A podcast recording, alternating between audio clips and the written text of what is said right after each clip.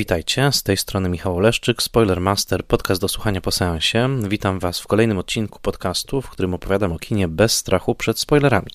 Zapraszam do posłuchania odcinka, jeżeli widzieliście już film, o którym mówię, ewentualnie jeżeli nie boicie się spoilerów.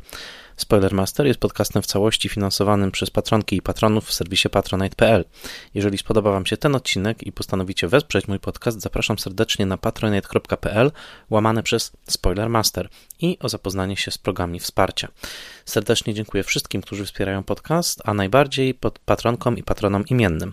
Michałowi Hudolińskiemu ze strony Gotam w deszczu, Dianie Dąbrowskiej z Akademii Włoskiego Kina, Agnieszce Egeman, Odjemu Hendersonowi, Beacie Hołowni, Annie Jóźwiak, Tomaszowi Kopoczyńskiemu, Justynie Koronkiewicz, Przemysławowi Bartnikowi, współautorowi podcastu jamesbondteam.pl, Bartkowi Przybyszewskiemu, autorowi bloga Liczne Rany Kłute, na którym możecie przeczytać o kinie, komiksie, internecie i telewizji, Konradowi Słoce, Mateuszowi Stępniowi, Jerzemu Zawackiemu i Tomaszowi Mączce, autorom podcastu Let's Made Movies, prezentującego ciekawe analizy filmowe, a także blogowi Przygody Scenarzysty, prezentującego analizy scenariuszowe i Fundacji Wasowskich, dedykowanej ochronie spuścizny Jerzego Wasowskiego i wydającej książki Grzegorza Wasowskiego. Spoilermaster jest i pozostanie podcastem darmowym, w szerokim, wolnym dostępie. Jeżeli jednak zechcecie wesprzeć moją pracę, będę Wam za to bardzo zobowiązany. Dzisiejszy odcinek Spoilermastera ma charakter specjalny. Jakiś czas temu rozpocząłem nowy cykl Mówiona historia kina polskiego i niniejszym otwieram drugi odcinek tego cyklu. Pierwszy odcinek był poświęcony filmowi Sweat Magnusa von Horna i zapraszam do jego słuchania. Ideą mówionej historii kina polskiego jest to, aby, no właśnie, opowiadać historię kina polskiego, ale głosami twórców tego kina. Nie tylko reżyserów, ale także członków ekipy rzemieślników i artystów, których praca, umiejętności, wiedza sprawiają, że koniec końców przed naszymi oczyma rozwijają się filmowe opowieści. Tak jak wspomniałem, w pierwszej e, mówionej historii kina polskiego usłyszeliśmy głosy twórców filmu Sweat. Tym razem cofniemy się o wiele bardziej w przeszłość. Niniejszym otwieram cykl, podcykl, można powiedzieć, cykl w cyklu, poświęcony reżyserowi Markowi Piestrakowi, jednemu z moich ulubionych polskich reżyserów, wizjonerowi, można powiedzieć awanturnikowi polskiego kina, który rzucał sobie wyzwania gatunkowe, jakich nikt inny w całej historii polskiego kina sobie nie rzucił. Marek Piestrak, urodzony w roku 1938, miłośnik i mistrz kina gatunkowego, ma na swoim koncie m.in. takie filmy jak Test pilota Pirksa, Wilczyca, serial Przyłbice i kaptury, wybitny krótki metraż Cicha noc, Święta noc z roku 1970 czy Klątwę Doliny Węży z roku 1988. Ten odcinek będzie poświęcony właśnie klątwie Doliny Węży. Dwa następne odcinki, których premiery nastąpią odpowiednio we wrześniu i w październiku roku 2021 będą poświęcone dwóm innym filmom Marka Piestraka, kolejno Wilczycy i testowi pilota Pirksa. Innymi słowy, zdecydowałem się na porządek achronologiczny. Opowiem od filmu najnowszego do filmu najstarszego, albowiem Klątwa Doliny Węży miała swoją premierę w roku 1988, Wilczyca w roku 1982, a test pilota Pirksa w roku 1978. Będziemy zatem się w tych trzech odcinkach cofali w przeszłość i każdy ten krok, jaki poczynimy, będzie także uchyleniem rąbka przeszłości samego reżysera, i jego historii życia, historii edukacji filmowej i tego, w jaki sposób stał się filmowym twórcą. Dzisiaj opowiemy tylko i wyłącznie o w filmie Klątwa Doliny Węży. Skupimy się na nim i to dość szczegółowo, ale już w kolejnym odcinku, którego premiera nastąpi za miesiąc, to znaczy w odcinku o filmie Wilczyca, dowiecie, dowiecie się więcej o wczesnym życiu pana Marka i o tym, jakie doświadczenia, jakie dzieła sztuki, jakie także ścieżki edukacji, jakie znajomości i inspiracje z, e, ukształtowały go jako artystę. Dzisiaj jednak skupiamy się na filmie Klątwa Doliny Węży z roku 1988. Filmie legendarnym i niesłusznie często nazywanym nie najgorszym filmem w historii polskiego kina. Ta łatka przyczepiona temu filmowi w akcie, jak myślę, dziennikarskiej niefrasobliwości przez wiele osób nie sprawdza się, nie sprawdza się w kontakcie z samym filmem. Film jest wciągającą opowieścią, film odniósł sukces kasowy, obejrzało go 25 milionów filmu, e, widzów w samym Związku Radzieckim. Miał także znakomite recenzje, świetne opinie na kolaudacji i świetne wyniki frekwencyjne w polskich kinach. Nie jest to absolutnie film, któremu można by zarzucić mm, brak kompetencji samych twórców, czy e, film, przy którym moglibyśmy mówić o artystycznej porażce. Y, uchybienia, jakie są w nim obecne, techniczne, narracyjne, wynikają w dużej mierze z kontekstu historycznego, w jakim ten film powstawał, z warunków ekonomicznych i produkcyjnych, a nie ze złej woli, tudzież z braku umiejętności samych twórców. To bardzo ważne rozróżnienie i dzisiejszy odcinek Spoilermastera ma trochę za taką misję odkłamanie owego mitu najgorszego polskiego filmu, ponieważ po pierwsze uważam, że Klątwa Doliny Węży że to dobry film, po drugie uważam, że jest to jeden z najambitniejszych filmów polskiego kina, a po trzecie jego wszelkie niedociągnięcia traktuję jako fascynujący historyczny dokument kształtu, w jakim znajdowała się polska kinematografia właśnie pod koniec lat 80. i także jako świadectwo czasu, albowiem warto sobie uświadomić, że nasze oko, nawykłe do licznych efektów komputerowych, do animacji CGI, patrzy zupełnie inaczej niż oko widza polskiego roku 88, czy właśnie oko widza bloku wschodniego, szeroko pojętego, e, e, końcówki lat 80. Owych 25 milionów widzów w Związku Radzieckim nie chodziło na ten film, aby oglądać go ironicznie i się z niego naśmiewać, ale wręcz przeciwnie, film bardzo się podobał i dla wielu przedstawicieli młodego pokolenia, które wówczas ten film obejrzało, film pozostał jednym z takich ukochanych filmów dzieciństwa dzieciństwa i wczesnej młodości. Film ma nadal bardzo wielu fanów z tamtej części świata, właśnie ze względu na pamięć tego, tych bardzo udanych wczesnych seansów. Jeżeli uświadomimy sobie, że pomiędzy rokiem 88, czyli rokiem premiery Klątwy Doliny Węży, a rokiem 1992, czyli rokiem premiery Terminatora 2 Jamesa Camerona, który można spokojnie przyjąć jako symboliczny moment w historii rozwoju efektów specjalnych, takie faktyczne przejęcie wyobraźni wizualnej przez komputery, e, że, że to tylko 4 lata dzielą te filmy, to widzimy jak ogromny, można powiedzieć, e, kosmiczny wręcz krok, e, skok do przodu został wykonany w kinematografii światowej, nawet jeżeli patrzymy na kinematografię amerykańską, a już nawet nie wspomnę o tym, że porównywanie możliwości technicznych kinematografii wschodnioeuropejskich z Hollywoodem nawet dzisiaj nie ma żadnych podstaw, a tym bardziej nie miało e, ich w późnym PRL-u. E, oko widza, który oglądał efekty specjalne w roku 88 właśnie w Klątwie Doliny Węży i oko widza, który 4-5 lat później już oglądał Terminatora 2 czy Park Jurajski uległo, uległo ogromnemu, można powiedzieć, przebudowaniu, przeformatowaniu. I dzisiejsze nasze spojrzenie na klątwę musi uwzględnić ten kontekst historyczny. Tak jak do malarstwa z różnych epok podchodzimy, zważając zawsze na to, jakie pigmenty, jakie y, narzędzia były dostępne twórcom, tak dokładnie powinniśmy podchodzić do historii kina i patrzeć na możliwości techniczne, jakie były w danym momencie, żeby podejść do Giotta i zarzucić mu, że nie malował równie zamaszyście co Caravaggio, no to trzeba zignorować e, kilkaset lat historii rozwoju malarstwa, do czego nikogo nie namawiam. Oczywiście historia kina jest o wiele krótsza, ale roz, rozwija się o wiele bardziej dynamicznie i zadaniem dzisiejszego odcinka, w którym sami twórcy opowiedzą i o wyzwaniach, i o przyjemnościach, i o radościach, i zgryzotach kręcenia Klątwy Doliny Węży. Otóż zadaniem tego odcinka jest właśnie odkłamanie owego nieszczęsnego mitu filmu złego. Uważam, raz jeszcze podkreślam, jest to film bardzo dobry, a jednocześnie film, który zdecydowanie stanowi świadectwo swojego czasu, jeżeli chodzi o możliwości e, warsztatowe i techniczne polskiej kinematografii. Zanim rozpoczniemy tę dłuższą dzisiaj podróż, e, mała instrukcja obsługi tego odcinka.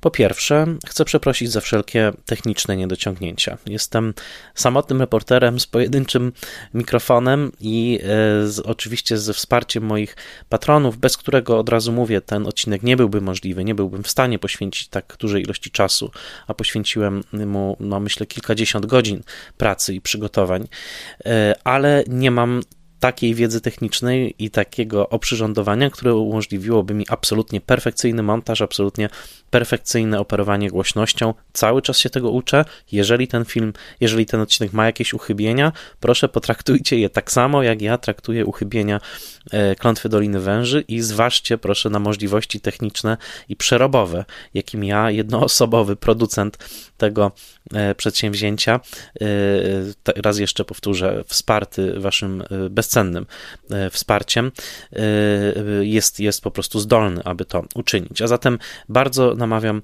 do tego, aby mieć troszeczkę wyrozumiałości, jeżeli jakiekolwiek tutaj problemy techniczne, jak na przykład moje potakiwanie czasami w tle w trakcie rozmów z gośćmi, e, aby podejść do tego z pewną dozą pobłażliwości. E, mam nadzieję, że zawartość merytoryczna odcinka po prostu to wynagrodzi. E, druga e, rzecz.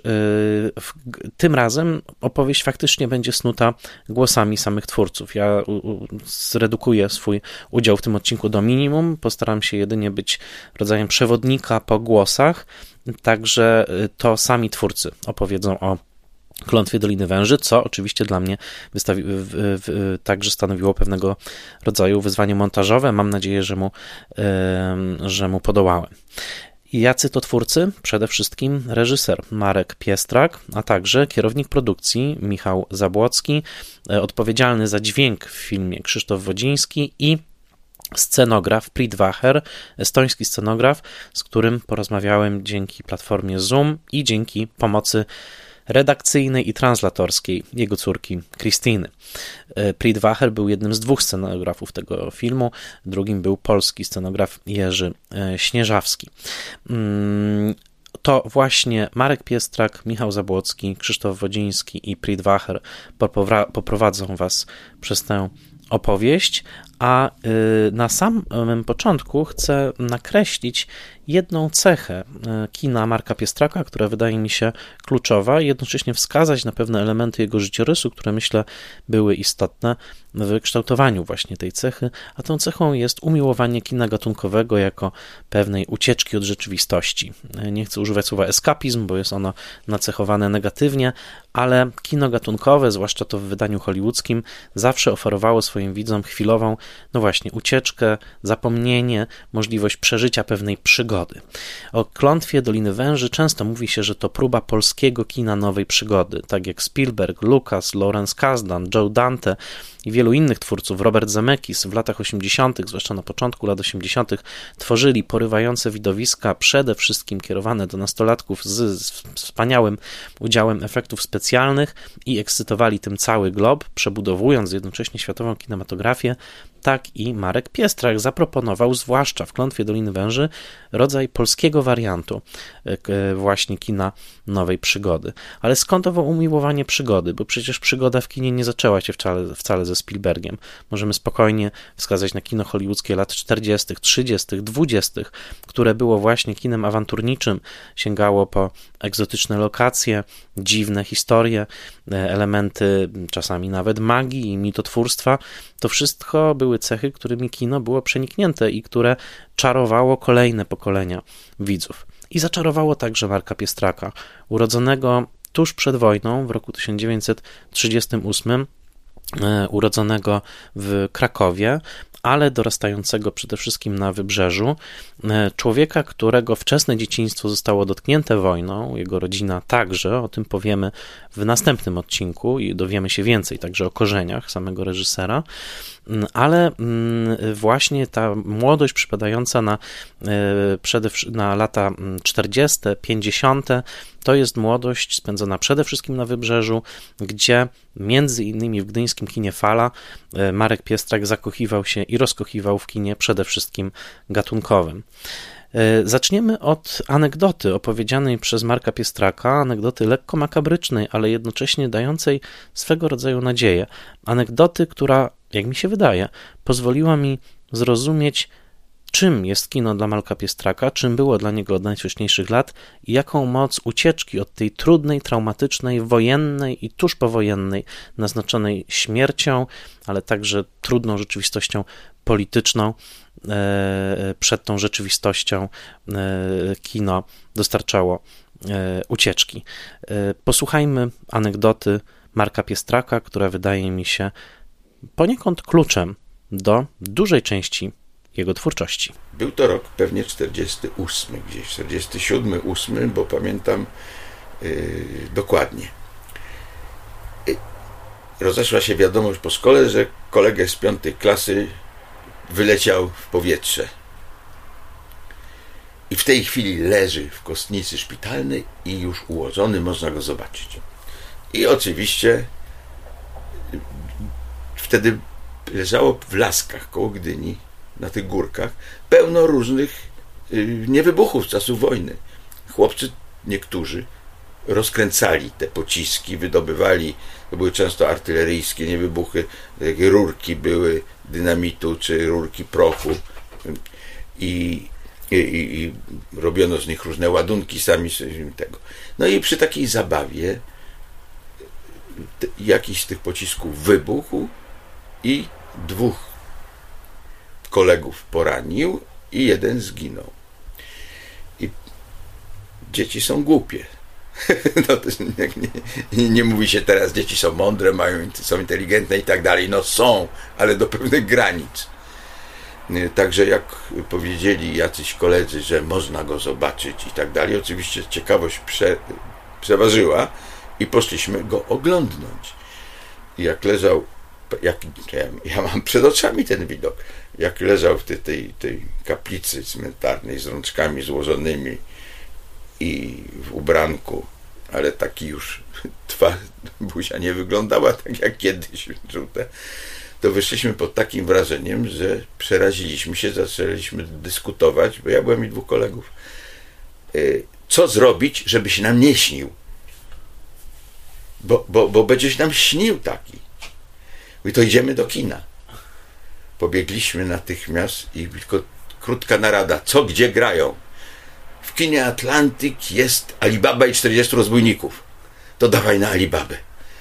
I pobiegliśmy, oglądaliśmy Alibabę i 40 rozbójników. Też przygodowy film. I też kolor. I też nawet jakieś walki, pojedynki na miecze, na szable z tymi Arabami, bohaterowie mieli. I po prostu wyszliśmy z tego kina, to może nam się nie będzie śnił. To jest też film jako odtrutka taki tak, był tak, na, tak. na traumy, które mogły spotykać dzieci w tamtych mhm. czasach. Alibaba i 40 rozbójników zamieszkują tę samą krainę, co buddyjscy mnisi strzegący tajemnic kosmosu, których odnajdujemy w opowiadaniu Roberta Stratona pod tytułem Hobby doktora Travena to jest po prostu kraina fantazji, kraina przygody, w której konkrety geograficzne, etnograficzne, kulturowe dostarczają tylko pewnego rodzaju scenografii do, no właśnie, przeżycia ekscytującej, najeżonej niebezpieczeństwami historii. Alibaba, Dr. Traven, fantazja. Kino Marka Piestraka to kino fantazji i kino ucieczki od rzeczywistości, a opowiadanie Roberta Stratona, o którym mówię, zostało opublikowane w roku 1979 na łamach e, pisma Przekrój. To opowiadanie, które jest do przeczytania e, w internecie i jest czymś więcej niż opowiadaniem, wydaje mi się wręcz nowelą, jest dosyć rozbudowane, wydrukowane e, w normalnym formacie, zajmuje około 100 stron owo opowiadanie hobby doktora Travena jest bardzo dobre, bardzo dobre literacko i opowiada o Haroldzie P. Travenie, który jest nowojorskim dentystą, który za dnia, no właśnie, naprawia uzębienie nowojorczyków, a po nocach fascynuje się i bada wszelkiego, e, wszelkie typy e, rękopisów. Rękopisów im starszych, tym lepszych i staje się światowym autorytetem w dziedzinie odczytywania tych rękopisów. Pewnego dnia trafia w jego ręce szczególny rękopis wydzielujący bardzo dziwną woń, woń jak się okazuje przyciągającą węże i podążanie taj, za tajemnicą owego rękopisu przyprowadza Travena niemalże do szaleństwa, wybiera się do Tajlandii na straceńczą podróż, um, uzbrojony w najnowszą, najnowszej generacji broń chemiczną po to, aby móc bronić się przed wężami i w końcu dociera właśnie do głębi ziemi, do świątyni, w której odnajduje amfory z kosmiczną substancją, trucizną, powielokroć bardziej toksyczną niż nawet najbardziej toksyczny jad węża i sam dociera jednocześnie do granic szaleństwa. E, zaczyna po powrocie wytruwać ludzkość ową straszliwą, e, straszliwą e, miksturą i w końcu musi być powstrzymany przez jednego z mnichów, który świadkował jego podróży. To opowiadanie, które wam teraz króciutko streściłem, stało się podstawą filmu Klątwa Doliny Węży. Jeżeli widzieliście film, to na pewno pamiętacie nazwisko Traven, bo tak nazywa się postać grana przez Romana Wilhelmiego, ale pozostałe szczegóły, nowojorski dentysta, samotna wyprawa? No niekoniecznie. E, scenariusz filmu, scenariusz Wojciecha Niżyńskiego, Marka Piestraka i Władimira Wałkuckiego bardzo mocno przepracował elementy opowiadania e, Stratona. Właściwie ostał się trawen, ostał się rękopis, ostały się węże, ostała się wyprawa do dżungli, ale już postać polskiego archeologa, francuskiej dziennikarki i, i także motyw broni z kosmosu, takiej broni, która trochę wydaje się bronią protoatomową, to wszystko są już elementy mocno przepracowane z tego opowiadania. Innymi słowy, dostarczyło one po prostu podstawy literackiej. Pamiętam, kiedy oglądałem ten film po raz pierwszy, zafascynowało mnie, kim był ów Robert Stratton, pewnie jakiś amerykański pisarz, który no właśnie skreślił takie opowiadanko o nowojorskim dentyście, nasycone szczegółami, które tylko bywalec Nowego Jorku może znać, jak konkretne adresy, konkretne etniczne dzielnice, słowa, liczne anglicyzmy. No, wydawało się to po prostu polskim tłumaczeniem jakiegoś opowiadania, e, opowiadania zagranicznego. Nic bardziej mylnego. Za pseudonimem Robert Stratton krył się niejaki Wiesław Górnicki, urodzony w roku 1931, dziennikarz, który wiele lat spędził w Stanach Zjednoczonych jako korespondent. E, właściwie całą pierwszą połowę lat 60. spędził właśnie, e, właśnie tam i był dziennikarzem, reporterem, kimś w rodzaju może troszkę bardziej popularnego i literacko trochę, troszeczkę słabszego Kapuścińskiego, tak bym to przyrównał. E, pisał e, przede wszystkim reportaże z Azji, ale także właśnie z Ameryki. Jeszcze przed latami 60. głównie jeździł do Azji, do Indonezji i książki takie jak Tam, gdzie pieprz rośnie, czy Giaur wśród Jankesów, czy Bambusowa klepsydra, albo zbiór takich felietonów społeczno-politycznych Rzeczy minione. To wszystko mm, tylko niektóre pozycje z jego bardzo płodnej listy książek, które, e, które napisał. Wiesław Górnicki e, jest postacią bardzo fascynującą, jednocześnie mocno kontrowersyjną. Człowiekiem, który był mocno uwikłany w reżim E, PRL-owski w latach 80. przede wszystkim, kiedy to był bliskim doradcą i współpracownikiem generała Jaruzelskiego.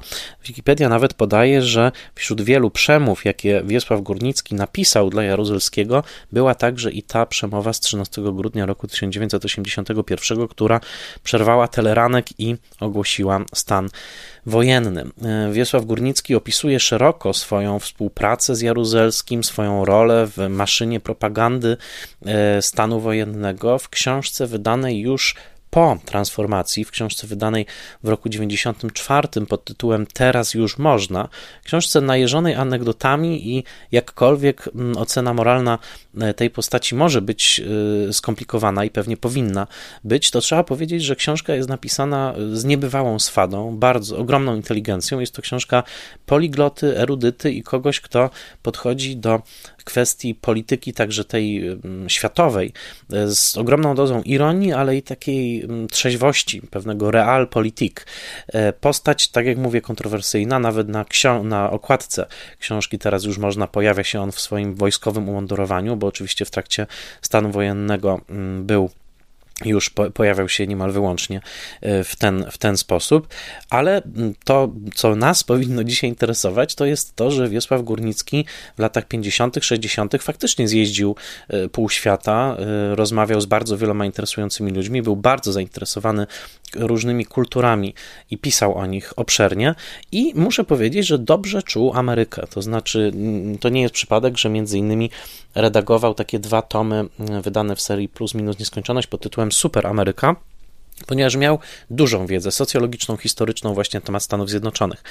Nie dziwi tym samym, że opowiadanie było, mm, hobby doktora Travena było osadzone w Stanach Zjednoczonych i w tym właśnie świetnie opisanym Nowym Jorku i myślę, chociaż tutaj już wchodzę w pole taniej psychologii, że przez opisanie tego rozdwojonego człowieka, jakim jest Harold Traven, to znaczy ktoś, kto za dnia właśnie dłubie w uzębieniu, jest zwykłym szarym dentystą, a po nocach siedzi, bada rękopisy i jest najwybitniejszym na świecie badaczem tajemnic przeszłości, że w tym rozdwojeniu być może także jest jakiś kluczyk do rozdwojenia samego Górnickiego, którego mm, życie i twórczość wyraźnie rozbija się właśnie na te dwie płaszczyzny, czyli płaszczyznę taką y, awanturniczo-literacką, literacką. Tak jak mówię, jest to uzdolnie, był to uzdolniony człowiek pióra, e, który fascynuje się właśnie kulturą światową, jej meandrami i mm, rozmaitymi e, kulturami, niemalże z takim zacięciem etnografa. No i to drugie życie,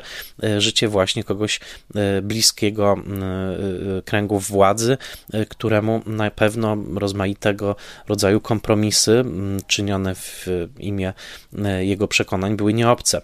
Więc tak rzucam tylko pomysł, że być może właśnie to ten rozdwojony doktor Traven, to być może także w pewnym sensie e, rozdwojony Wiesław Górnicki. Na pewno postać bardzo interesująca, tak jak wspomniałem, mocno kontrowersyjna, ale po przeczytaniu dużej partii książki teraz już można, polecam ją, ponieważ e, nie jest ona pisana z pozycji cynicznej, jest ona pisana z pozycji kogoś, kto dzieli się dużą dozą doświadczeń e, z mm, okresu niesłychanie w historii polskiej trudnego. E, bardzo polecam szczególnie rozdziały poświęcone wizycie Barbary Walters, najwybitniejszej amerykańskiej dziennikarki lat 80. w Warszawie i wywiadu, jaki przeprowadziła z generałem Jaruzelskim.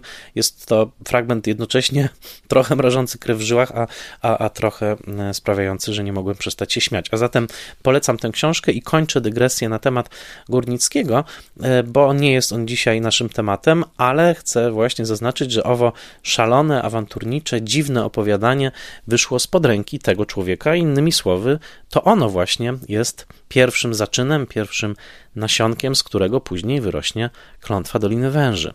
Posłuchajmy teraz Marka Piestraka, który opowie nam, w jaki sposób trafił po raz pierwszy na to opowiadanie i jak zrodziła się, e, jak zrodził się pomysł jego adaptacji filmowej. Pamiętam, że przeczytałem w przekroju to opowiadanie Roberta Stratona. I, i, I wydało mi się, że to jest dobry materiał na e, taki film przygodowy, który zapragnąłem zrobić. Wbrew oczywiście wszystkiemu, bo wydawało się to po prostu niemożliwe, ale z drugiej strony przecież myślałem o tym, no oczywiście nie będzie to może w Tajlandii, to, to może być gdzie indziej. No mamy kraje socjalistyczne, mamy różne umowy z nimi, to dżungle są wszędzie tam, więc może się da zrobić. No i jakoś tak zespół prawdopodobnie, to już trudno prześledzić krok po kroku, no bo to też było dawno temu. Yy, nie zespół, że trzeba uzyskać zgodę. Y, trzeba uzyskać zgodę autora. Okazało się, y, już nie wiem, czy ja to wyśledziłem, czy, czy, czy, czy, czy mi pomógł zespół, czyli pan Chmielewski, pan Włodarczyk, y, czy że to jest za nazwiskiem Roberta Stratona. Jest, jest to pseudonim pana Wiesława Górnickiego, znanego kiedyś dziennikarza. W tym czasie był po prostu mm, współpracownikiem generała Jaruzelskiego, z tym, że to już był schyłek jakby stan, to już było po stanie wojennym w zasadzie, ale jeszcze jakby główną postacią kraju był generał Jaruzelski, ale też jakby większość restrykcji jakichś ciężkich stanu wojennego co do kręcenia filmu jakby została zniesiona i, i, i, i można było bardziej swobodnie myśleć o tym, co by tu robić.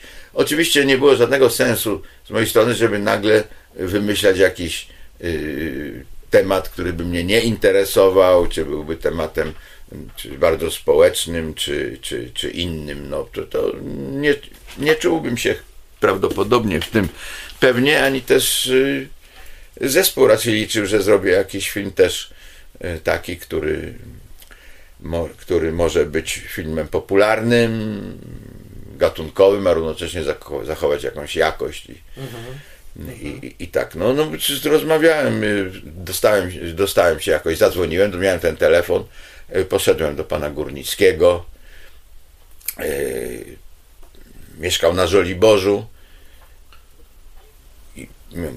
bardzo miał interesujące mieszkanie, to znaczy na, na co ja zwróciłem uwagę pierwszą, no, że miał bardzo dużo różnych takich, y, jak ja mam za panem trochę tego to miał dwa razy więcej. Różnych szabli, bagnetów i krisów i, i różnych, różnych tego typu akcesoriów, które, bo był korespondentem w Stanach Zjednoczonych, dużo podróżował przedtem i, i, i w ogóle był bardzo interesującym, ciekawym człowiekiem. Y, I, i no, się mnie zapytał, skąd ja znam to opowiadanie. Z przekroju, oczywiście. No więc on, nie, że nie będzie nie będzie stawiał y, żadnych, y, żadnych weta co do ekranizacji. No, znał moje filmy poprzednie i, i powiedział, że proszę bardzo. No i dalej, była, dalej było z nim następne spotkanie już z szefami mojego zespołu. Pamiętam, to było w kawiarni na rozdrożu. On tam się lubił umawiać, blisko tam miał biura swoje, tam, gdzie jest kawiarnia na rozdrożu. Więc yy, pamiętam, że rozmowa była, y, rozmowa dotyczyła też właściwie i sytuacji, nie tylko samej roboty, ale, ale teraz sobie przypominam, wtedy, nie wiem, parę godzin przedtem może bym sobie nie przypomniał, ale teraz jakoś dziwnie, ale to jest prawda, że pewne wspomnienia, jak się zaczyna, to wyzwalają pracę jakichś obszarów mózgu, które przypominają inne rzeczy. Jakby mnie zapytał pan godzinę temu, czy dwie godziny temu, y, o czym myśmy rozmawiali, to myślę, że to absurd, przecież człowiek nie pamięta. Właśnie pamiętam. E, to rozmawialiśmy i o sytuacji politycznej kraju, i pamiętam, że pan Górnicki wtedy opowiedział, że on i jego szef starają się robić y, y, jakby w tym, starają się poruszać w tej rzeczywistości, którą mają, tak, żeby zwalczać różne odłamy tego rządu, tej partii, które przeszkadzają w odbudowywaniu jakby nawet pozorów demokracji w Polsce po tym stanie wojennym.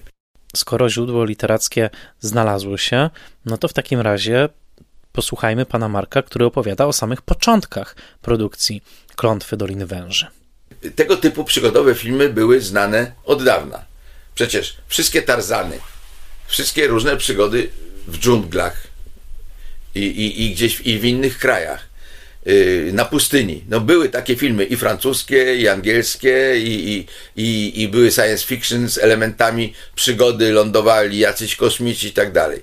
No więc, ale pierwszy raz yy, tak, z takim rozmachem i z takimi pieniędzmi, to zrobił Spielberg. I wtedy to raczej raczej ja nie chciałem naśladować Spielberga, ale, ale oczywiście powiedziałem, że to opowiadanie jest takie, że mógłby je zrobić Spielberg. No bo przecież to jest dziwny kraj, raczej sądząc po nazwiskach czy coś u pana Stratona, raczej to, to, to wyglądało na, chyba na Tajlandię. Dzieją się dziwne przygody w dżungli. Można można to jeszcze sobie jakoś rozbudować, bo tam te, te, te no ten wąż, ale te, te, te, te trzy jakby y, etapy, które się przychodziły, wydaje mi się, że tego nie było wszystkiego w tym opowiadaniu, że w scenariuszu to jakoś y, to się rozrosło, że, że bardzo było ciekawe coś takiego spróbować zrobić. No, no i się zastanawialiśmy, jak to zrobić. I, i najpierw, no, powiedzieli, że oczywiście my sami tego nie zrobimy, bo to będzie za, my, za drogo dla nas. Ale możemy skombinować, ponieważ masz dobre stosunki yy, poprzez produkcję testu pilota Pirksa, yy, i ten film, yy, test pilota Pirksa i został nagrodzony. I został też nagrodzony na festiwalu w Taszkencie i, i, i ma nagrody międzynarodowe, no to a też nikogo nie uraził. Grali tam, grały gwiazdy radzieckiego filmu największe, jak Kajdanowski, jak, jak grał, jak Wołodia Iwaszow przecież, no i, i, nie mówię też o, o Desnickim. I, i, I produkcja wam dobrze poszła z Estonią, to możemy razem z Estonią zrobić. To jest to, to jakby kuchnia ówczesnego działania, które nie dla każdego może być zrozumiała.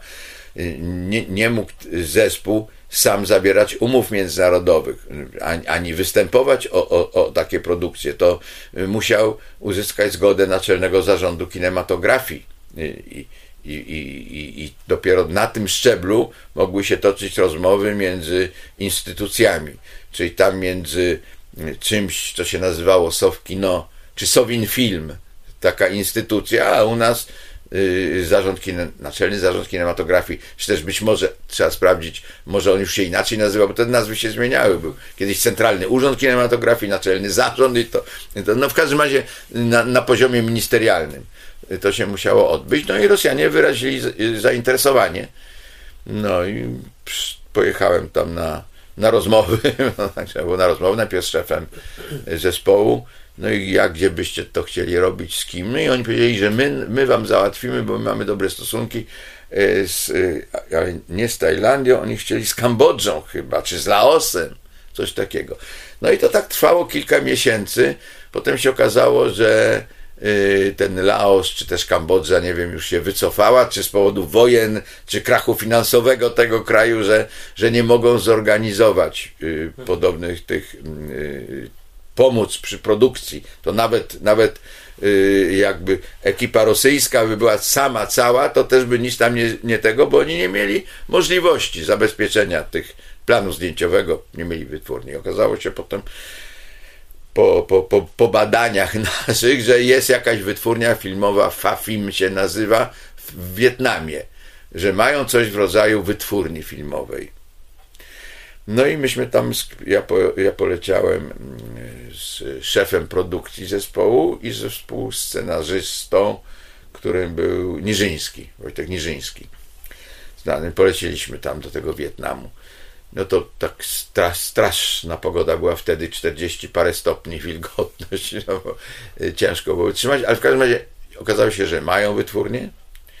No oczywiście to jest, wytwórnia się mieściła w, dawnych, w dawnym obozie, w którym siedzieli amerykańscy piloci.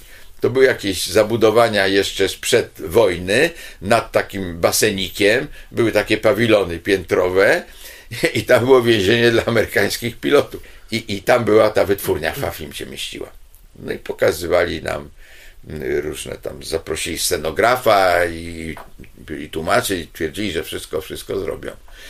No potem się okazało, że właściwie to bardzo, bardzo wielu rzeczy nie mogli, czy też nie umieli, czy też nie chcieli. No.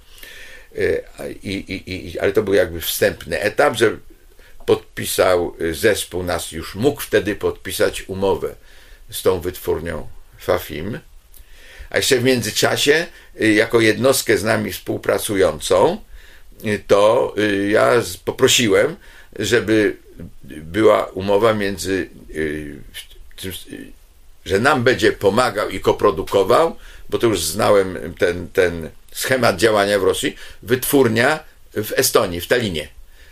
Bo wiedzia, po pierwsze wiedziałem, że to są ludzie, z którymi można rozmawiać, można się umawiać i będą wykonywać w miarę możliwości oczywiście to, to, to co się chce zrobić, a oprócz tego są inteligentni i są yy, raczej i są w ogóle prozachodni, chociaż są w tym Związku Radzieckim i, i, i, i w ogóle i rozumieją film podobnie i robią różne filmy ciekawe i mhm. po prostu miałem jak najlepsze wspomnienia mhm. po produkcji testu pilota Pirksa. No więc to był nasz bezpośredni kontrahent i teraz z nimi razem mm, wzięliśmy się za dalszą obróbkę, żeby robić te zdjęcia w Wietnamie. No więc y, wykombinowali w ten sposób, że koszty pobytu w Wietnamie pokryje, y, Wietna, pokryje strona wietnamska, koszty pobytu i organizacji pracy naszej ekipy. W zamian za to my, polska strona, zrobi im kopię ich filmów u nas w naszych wytwórniach, gdzie są y, gdzie, gdzie się robi kopie masowe filmów. No i tutaj miałem wizytę w trakcie tego delegacji wietnamskiej, którą tu musiałem przyjąć w tym mieszkaniu, może trzech dyrektorów czy czterech, i, i, przyjęcie wydać w ówczesnych czasach, gdzie trudno było cokolwiek, ale wyszli bardzo zadowoleni i, i podpisali te umowy wszystkie, no i mogliśmy zacząć przygotowania do produkcji. Produkcja to mm, była jakby mimo wszystko dosyć skomplikowana, bo yy, widzieliśmy interesujące filmy różne pokazywali nam w międzyczasie estońskie możliwości y, budowy dekoracji, czy, czy, czy to, co oni robią. Tam była taki, był reżyser, który też się specjalizował w takich sensacjach. Tam był film taki, zrobił Gospoda pod pogibszym alpinistą. To, to, to, to znany film. Byli znani reżyserzy, którzy te filmy były nawet sprzedawane do krajów skandynawskich ale się okazało, że oczywiście jest, wytwórnia jest za mała, za małe hale zdjęciowe, żeby zrobić największą dekorację, y, którą był, była ta zalewana podziemna, ta, ta cała jaskinia z tych posągów, gdzie woda leciała. I tak. No więc to, ale ponieważ Estończycy i pośrednio my już mieliśmy dobre stosunki z wytwórnią imienia Dowrzenki w Kijowie, która miała, to przy Pirksie opowiem, olbrzymią halę zdjęciową, gdzie równocześnie kilka ekip budowało dekoracje i kręciło, co przeszkadzało wprawdzie jedni drugiemu, ale można było zrobić. I mieli, y, część mieli taką, y, część mieli tej hali z basenem, gdzie można, gdzie tam działy te technik specjalnych, mogły robić różne tam bitwy morskie czy coś w tym basenie, ale też można było tam napuścić dużo wody i zbudować nad tym dekorację. No. I ta dekoracja to była zaprojektowana już przez, o ile sobie przypominam, też przez Estończyków. No i, i pracownia y, naszego bohatera, którego grał Krzysztof Kolberger, też była kręcona w studio, y, w tym w studio y, wietnamskim. Tak przedstawiają się początki tej produkcji w pamięci Marka Piestraka. Ale powołajmy jeszcze kolejnego świadka tej historii, mianowicie Michała Zabłockiego, który pracował przy Klątwie Doliny Węży jako kierownik produkcji. Posłuchajmy, w jaki sposób pan Michał wspomina początki pracy i uruchomienie tej całej skomplikowanej koprodukcyjnej machiny. Powinienem się chyba przedstawić, tak? Nazywam się Michał Juliusz Zabłocki. E, dlaczego Juliusz? Dlatego, żeby nie mylić mnie z innym słynnym Michałem Zabłockim, który w branży też w swoim czasie pracował, obecnie poetą. E, jestem starszy od niego, ale znamy się bardzo dobrze i nawet ostatnio razem napisaliśmy piosenkę. On tekst, ja muzykę, ale mniejsza z tym. Także nazywam się w skrócie Michał Zabłocki i byłem kierownikiem produkcji w zespołach filmowych od roku 79 do mniej więcej roku 2000. Klątwa Doliny Węży to był, e, powiem szczerze, najtrudniejszy film w mojej karierze. Ja po tym filmie byłem tak zmęczony psychicznie, fizycznie, jednocześnie zniechęcony do tej pracy, że postanowiłem rzucić zawód kierownika produkcji.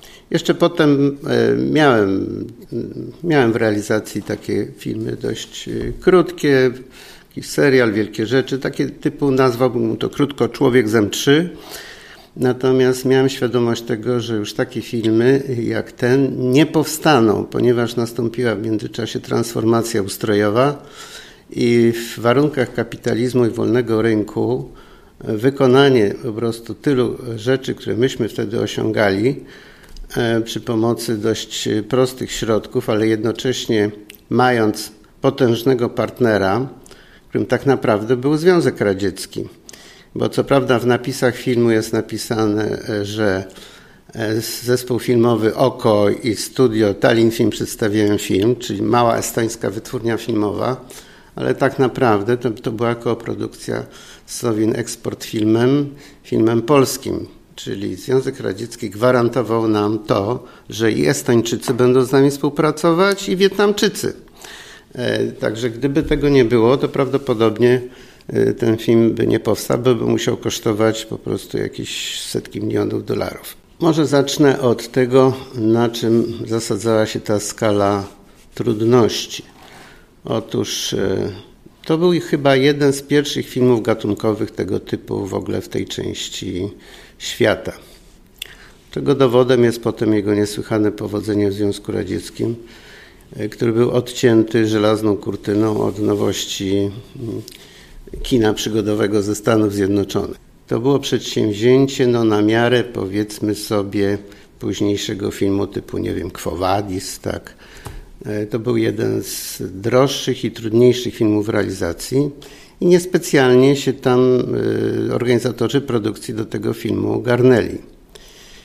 E, mnie się wydaje, że ja miałem dobrą opinię w branży, bo ja byłem już rok po koprodukcji polsko-amerykańskiej Legend of the White Horse. Polski tytuł był zupełnie inny, mianowicie Biały Smok w reżyserii dwóch polskich reżyserów, Jerzego Domarackiego i Janusza Morgensterna, gdzie dałem sobie świetnie radę i zarówno od strony ekonomicznej, jak i organizacyjnej. Tak mi się wydaje. No, także zaufano mi, a jednocześnie szefem produkcji zespołu OKO e, w 80 latach był Jan Włodarczyk, mój pierwszy nauczyciel zawodu, którego zaczynałem pracę jako asystent w 72 roku. Także rozumiem, że Włodaczyk nie miał wątpliwości, że e, podołam tej produkcji, no i starałem się wywiązać z tego zadania możliwie jak najlepiej w swoim mniemaniu.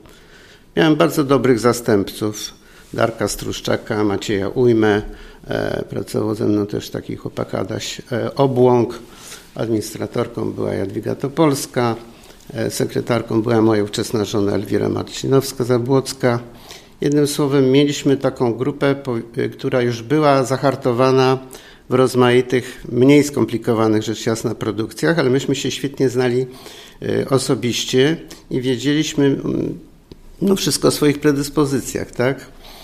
Także po takich wstępnych dokumentacjach okazało się, że najtrudniejsze zdjęcia to nam się szykują w Wietnamie.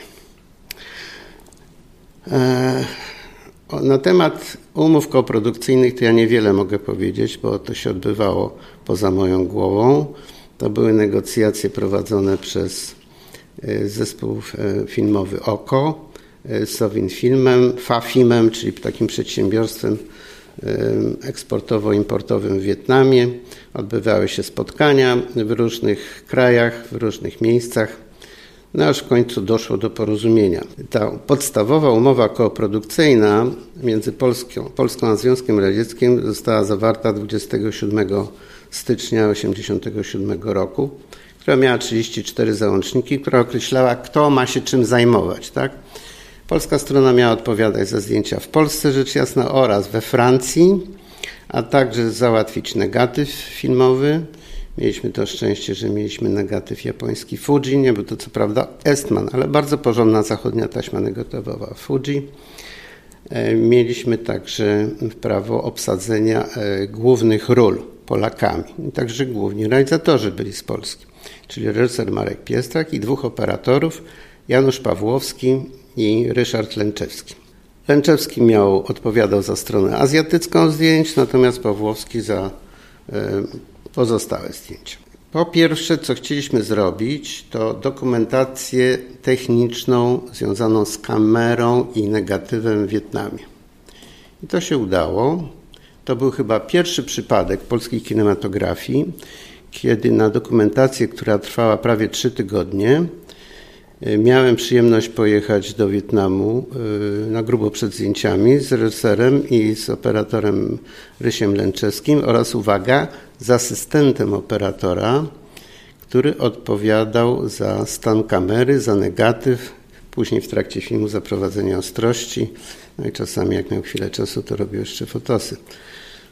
W każdym razie y, ta dokumentacja, y, ona obrodziła wieloma interesującymi wnioskami na temat tego, jak się musimy przygotować do tego wyjazdu z całą ekipą, y, na co się musimy zaszczepić, na jakie choroby, jak wygląda sprawa wyżywienia w Wietnamie. O dziwo okazało się, że bardzo dobrze wygląda. Mieliśmy znakomite wyżywienie właściwie przez cały czas pobytu później jak wygląda sprawa transportu, no i dziesiątki innych rzeczy, także związanych z techniką. Wiedzieliśmy, że musimy mieć lodówkę, żeby trzymać negatyw, e, jak wygląda sprawa ekspozycji o różnych porach dnia i tak dalej. Wszystko to razem za, zresztą zaowocowało broszurą, którą napisałem razem z Lęczewskim, która się nazywa Organizacja Produkcji Filmowej w warunkach tropikalnych. E, to wygląda dosyć śmiesznie, bo to było drukowane na maszynie i po prostu na powielaczu w wielu egzemplarzach rozmnożone potem, ale dyrektor zespołów filmowych rozsyłał to ekipom, żeby sobie poczytała, co trzeba ze sobą zabrać, jak się jedzie za granicę, gdzie właśnie są jakieś niecodzienne warunki. Po tej dokumentacji ja wiedziałem, że musimy przeszkolić ekipę, jak się tam należy zachowywać i właśnie zrobić obowiązkowe szczepienia. E, formalnie to myśmy mieli dość krótki okres przygotowawczy, bo w papierach to jest 30 dni, to jest nie, zupełnie wygląda niewiarygodnie, ale to jest zakłamanie pewnego typu, bo myśmy już od jesieni 86 roku się przygotowywali. Czyli ten wstępny okres przygotowawczy plus prawdziwy okres przygotowawczy to dały mniej więcej 4-5 miesięcy, gdzie mieliśmy już czas na e, wyprodukowanie kostiumów, rekwizytów podstawowych itd. Tak bo wbrew pozorom to jest film dość kameralny obsadowo. Tam nie ma scen masowych, tłumów statystów i tak. Także to dla fachowców to nie było takie bardzo trudne do zrobienia. Zresztą mieliśmy wspaniałych współpracowników. Za scenografię odpowiadał Jerzy Śnieżawski, no wyjątkowo doświadczony e, scenograf, którego wcześniej poznałem przy filmie Żuławskiego na Srebrnym Globie. Ewa Krause, no wybitna kostiumografka. Już wtedy to było duże nazwisko. W tej dziedzinie to po prostu byliśmy bardzo szybko przygotowani do zdjęć. E, oczywiście e, spodziewałem się, że mogą nastąpić, e, ponieważ mieli, mieliśmy właściwie zaczynać te zdjęcia od Wietnamu, czyli od, właściwie od najtrudniejszych rzeczy, to zresztą okazało się bardzo dobrym rozwiązaniem, bo wszystko co było później to już było znacznie prostsze, że będziemy pokonywać najrozmaitsze bariery. Przede wszystkim mentalne, obyczajowe, ale także zawodowe, natomiast paradoksalnie nie było specjalnych barier językowych. E, dlaczego? No ja miałem to szczęście, że ja byłem bardzo pilny w nauce języka rosyjskiego zarówno w mowie i w piśmie, a przypomnę, że wówczas pracowaliśmy w erze analogowej, przedkomputerowej i przedkomórkowej. Także dzwoniło się ze zwykłych aparatów telefonicznych tarczowych E, wszystkie dokumenty były sporządzane najpierw ręcznie, później przepisywane w wielu egzemplarzach przez kalkę maszynową na maszynach do pisania e, i tak dalej. To troszeczkę trudniej się pracowało niż obecnie, jeżeli chodzi o takie formalne przygotowania. Natomiast nie było tej bariery językowej, dlatego że rosyjski był swoistym esperantą w ówczesnych demoludach. Także zarówno Estończycy musieli się w szkole uczyć obowiązkowo rosyjskiego, jak i Polacy, jak i Wietnamczycy. Także tutaj mieliśmy oprócz tego tłumaczy, rzecz jasna, ale w każdym razie tutaj nie, jakichś specjalnych barier nie było.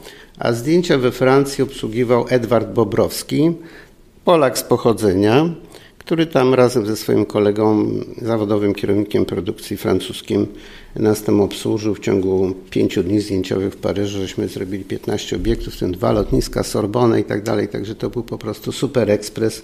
To wszystko bardzo sprawnie poszło. No, ale zaczynaliśmy od Wietnamu i z duszą na ramieniu żeśmy się tam przerzucali. To wszystko odbywało się rzecz jasna samolotami przez Moskwę. Zaczynaliśmy od zdjęć w Hanoi. Można powiedzieć z dzisiejszej perspektywy, y, że z punktu widzenia krajoznawczego to mieliśmy olbrzymie szczęście, bo myśmy zaliczyli cały Wietnam. Zaczęliśmy od pobytu w Hanoi, później byliśmy w okolicach Danang, a na końcu wylądowaliśmy w mieście, które się nazywało Ho Chi Minh, a obecnie się nazywa Saigon. Y, także Wietnam poznaliśmy z różnych stron i to było też swojego rodzaju szokiem, bo Wietnam Północny a Wietnam Południowy to są moim zdaniem dwa różne kraje. Teraz to jest jeden kraj, ale wówczas, gdzie jeszcze w dzisiejszym Saigonie były wyraźne ślady y, pobytu amerykańskich wojsk, które tam miały bazy, hotele, fabryki Coca-Coli i wytwórnie sprzętu, także wojskowego, no to to było zupełnie coś innego, z czym spotkaliśmy się na północy. Chciałbym podkreślić, że e, ludzie w Wietnamie to byli bardzo dla nas życzliwi. Myśmy się spotykali e, za takimi aktami zwykłej życzliwości, nie tylko w obiektach zdjęciowych, ale także w takich codziennych relacjach. E, coś się gdzieś zepsuło komuś, tak, była jakaś sytuacja związana z koniecznością zrobienia konkretnych zakupów i tak dalej. No po prostu wszyscy byli bardzo gościnni, uczynni kraj był skażony biedą, ale każdy Wietnamczyk zawsze miał czyste ubranko, odprasowane, pocerowane, ale oni zawsze dbali o to, żeby mieć na przykład nakrycie głowy. E, e, jednym słowem, także ta produkcja tam wietnamska, ona dokonywała cudów, żeby się wywiązać z kontraktów. No pod koniec pobytu naszego trochę się pogubili, bo tam pewnych rzeczy nie zdążyli załatwić w porę, ale generalnie to ja nie mogę na nich narzekać. Myślę, że gdyby w przyszłości tam ktoś chciał robić film koprodukcyjny, to na pewno z podobną życzliwością by się spotykał na co dzień. Skoro machina powoli się rozkręcała, ruszała, warto zapytać o to, w jaki sposób kompletowano obsadę do filmu, w którym zagrał Krzysztof Kolberger, Ewa Sałacka, i Roman Wilhelmi w rolach głównych, ale w pozostałych rolach pojawili się m.in. tak znakomici aktorzy jak Leon Niemczyk czy Igor Przegrodzki. O castingu do filmu opowie Marek Piestrak. Sałacko mi nawet polecił y, mój przyjaciel y, Ali Haider Rizvi, reżyser, który skończył angielską szkołę filmową i polską szkołę filmową i pracował wiele, wiele lat w Polsce potem. Y, pracował ze mną, pracował z, między innymi z Pawłem Piterą przy nakłopotach Bednarski.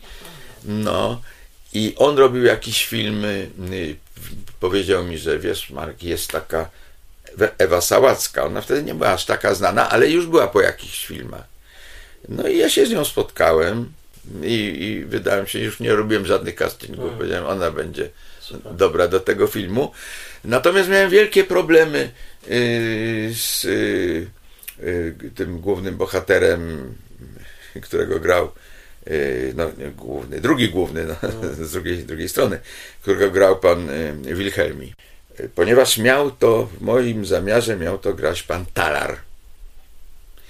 I ja pana Talara się z nim spotkałem, umówiłem, dałem mu scenariusz, był bardzo zadowolony, chciał grać. No a niestety e, reżyser, tak jak i w Ameryce, czy, w, czy w innych krajach często, jest też zależny od producentów. I mój producent główny, czyli szef zespołu, powiedział, nie będzie grał pan Talar. On, on mi nie wygląda, a on był przecież reżyserem bardzo znanym. Nie, nie będzie grał Talar, koniec. I, i, I proszę sobie wyobrazić, jaka to była okropna dla mnie scena, okropna historia, zadzwonić do Henia i powiedzieć mu, że nie będzie grał w tym filmie, nie pojedzie do Wietnamu, nie pojedzie nigdzie i, i do dzisiaj potem już się z nim, z panem Talarem nie widziałem chyba. Ja czułem cały czas jakby kaca moralnego, ale jakby, ale nie mogłem powiedzieć nie. A Kolbergera to, to już poznałem przedtem. Mhm. A Kolberger to jest to wspaniały człowiek. Mhm. Po prostu. Ja, ja go tak lubiłem, tak się lubiliśmy. No. Był uroczy. Muszę wyobrazić, wyobrazić że w, w najtrudniejszych czasach, w, najtrudniejszych okresach zdjęciowych, czy jakieś, to, to, to była taka pomoc duchowa, mhm. Y, która jakby rozładowywała wszelkie napięcia. To był człowiek niesłychanej y, takiej jasności hmm. ducha. W trudnych warunkach zachowywał i pogodę ducha, i uśmiech, i, i proszę sobie wyobrazić, że myśmy przyjechali kiedyś do dżungli, do jakiegoś takiego hotelu y, koło, obok Danangu gdzieś który, poza tym hotelem to nic nie było, no gdzieś tam było osiedla, y, osiedla jakichś baraków, gdzie mieszkali y, ludzie radzieccy, y, szefowie, bo tam jakieś były minerały czy coś, jakieś, jakaś kopalnia, ale tak nic nie było. Poza hotelem było ciemno, parę się żarówek paliło. Hotel był bardzo przyzwoity, tylko że stały kałuże wody na wszystkich korytarzach z powodu wilgotności, tam jest prawie 100% wilgotności. Tam y, z żarówek, y, z żyrandoli lał się deszcz na człowieka, woda leciała. Myśmy się bali, jak można zapalić światło i, człowiek zginie natychmiast. I w tym, i w tych, jak się wracało ze, ze zdjęć tam, to on sobie w swoim pokoju, Krzysiek, zdobył jakąś małą lampkę, zrobił jakiś abażur, jakoś to uporządkował i, i, i, i tam przychodziliśmy na herbatę czy kawę do niego wieczorem. Ewa przychodziła, ja przychodziłem, koledzy. Rysiek Glęczewski, który robił całą sekwencję wietnamską, robił Rysiek Glęczewski. I, i, i, i, I on, a jeszcze miał, to był, jeszcze był takim y, właściwie nie wiem, czy głęboko wierzący każdym razie był wierzącym y, chrześcijaninem, katolikiem. Miał kazania księdza z Krakowa, który był przyjacielem papieża, wydane. Y, na każdy dzień właściwie wydała. I on mi pozwólcie, ja wam przeczytam Aha. jakiś taki fragment na, nie wiem, na ten dzień tygodnia, czy, czy roku, czy czegoś. I taka jakieś uspokojenie na człowieka spływało. No. Ogromnym wyzwaniem dla i aktorów, ale dla całej ekipy, było oczywiście, było oczywiście kręcenie w Wietnamie. O początkach zdjęć i o przygotowywaniu się do owej prawdziwej wyprawy do dżungli opowie nam Michał Zabłocki. Formalnie okres przygotowawczy y, zakończył się 4 marca 1986 roku. Produkcja trwała prawie cały rok, bo do grudnia. Okres zdjęciowy planie był Wietnam od 5 marca do 11 kwietnia i tak, tak to mniej więcej zostało wykonane. Nie nakręciliśmy 113 metrów e, ze scenariusza z różnych powodów, zawinionych, niezawinionych, pogodowych i innych. I to musieliśmy przenieść te zdjęcia, gdzieś znaleźć e, obiekty e, właśnie albo w Polsce, albo w Talinie, albo w innych miejscach na Dolnym Śląsku. Później e, mieliśmy zdjęcia we Wrocławiu 24 kwietnia do 12 maja. W Warszawie był jeden dzień zdjęciowy 14 maja. W Paryżu byliśmy 5 dni od 18 do 22 maja. Później we Wrocławiu od 26 maja do 3 czerwca. I później w tak zwanym Związku Radzieckim od 10 czerwca do 7 lipca. I na to się składały zdjęcia w Kijowie, w studio imienia Dowrzenki gdzie były wybudowane dekoracje i gdzie byli pracownicy odpowiedzialni za efekty specjalne. A potem e, mieliśmy podróż do Estonii, do Talina, e, gdzie mieliśmy e, zdjęcia też, też głównie w dekoracjach, a następnie nastąpił powrót. W ciągu pięciu dni mieliśmy przerzut z Talina do Polski. To się odbywało albo wyłącznie samolotami albo samolotami i kombinacją samolot do Moskwy i pociąg z Moskwy do Wrocławia, bo była taka linia kolejowa. Może dwa słowa o tym najtrudniejszym okresie, czyli tym okresie wietnamskim. Jeżeli chodzi na przykład o jedzenie, e, Krzysiek Kolberger powiedział jako pierwszy, skoro nam powiedziano, że możemy sobie wybrać model jedzenia albo azjatycki, albo taki europejski, Kolberger powiedział, to nie po to jechaliśmy tutaj tysiące kilometrów, żeby wcinać e, schabowego z kartofelkami. No i połowa ekipy, głównie realizatorzy, aktorzy wybrali tą kuchnię wietnamską, czyli coś w rodzaju kuchni chińskiej, chociaż kuchnia wietnamska, kuchnia chińska to są, jak wiedzą fachowcy, dwa różne światy. No a część ekipy i niektórzy, niektórzy aktorzy woleli jednak to jedzenie takie tradycyjne, jakie serwowano na przykład tam wycieczką ze Związku Radzieckiego. Jedzenie było bardzo dobre, nawet powiedziałbym obfite. Później się dowiedziałem od Wietnamczyków, że oni mieli taki zwyczaj, taki przepis, czy wręcz ustawę, że w wypadku cateringu z udziałem obcokrajowców nie ma limitu, górnego limitu finansowego. No i dzięki temu to myśmy tam jedli rozmaite frykasy, często nie wiedząc o tym, ile to tak naprawdę kosztuje. Ale w każdym razie e, ta kuchnia, zresztą do dzisiaj mi bardzo odpowiada, nauczyłem się jeść pałeczkami. No, pewną ciekawostką było to, że Wietnamczycy nawet zupę też jedli pałeczkami. Marek Piestrak szczególnie gustował w takich bardzo ostrych przyprawach. Wcinał taką czerwoną paprykę, nie, strasznie ostrą, bez żadnej popitki. No po prostu podziwiałem go. No to dla mnie to był fenomen. E, jeżeli chodzi o mm, przyjazd, no właściwie on by się odbył bezkonfliktowo, to wszystko było zgodnie z planem. E, chciałbym dwa słowa powiedzieć o mojej roli tak, w tej ekipie. Mianowicie generalnie się uważa, że trzon y, grupy zdjęciowej czy ekipy filmowej, jak autor zwał, to są trzy osoby. Reżyser, operator obrazu i kierownik produkcji. Tak mniej więcej jest y, y, i obecnie, chociaż pojawili się producenci, więc te relacje się nieco zmieniły. Kierownik produkcji to jest współpracownik producenta i można go w każdej chwili zwolnić i wziąć kogoś innego. Także nie jest to osoba o czymkolwiek decydująca. Moje tam uprawnienia były dość szerokie, tak, ponieważ zespół filmowy był daleko, w Warszawie i to było tak naprawdę biuro scenariuszowe. Szefem był Tadeusz Chmielewski, szefem produkcji był znany mi Jan Włodarczyk, ale oni nas na planie rzecz jasna nie odwiedzali. Często tak bywało, że oni załatwiali pieniądze, wpływały pieniądze regularnie na konto w banku e, do danej ekipy, a spotykaliśmy się na kolaudacji, czyli już z gotowym filmem. I tutaj też tak było podobnie. Z tym, że różnica była taka, że ja de facto miałem do czynienia z pięcioma krajami. Ja siedziałem cały czas z kalkulatorem w ręku, przeliczałem kursy walutowe, żeby się zmieścić w tym polskim budżecie.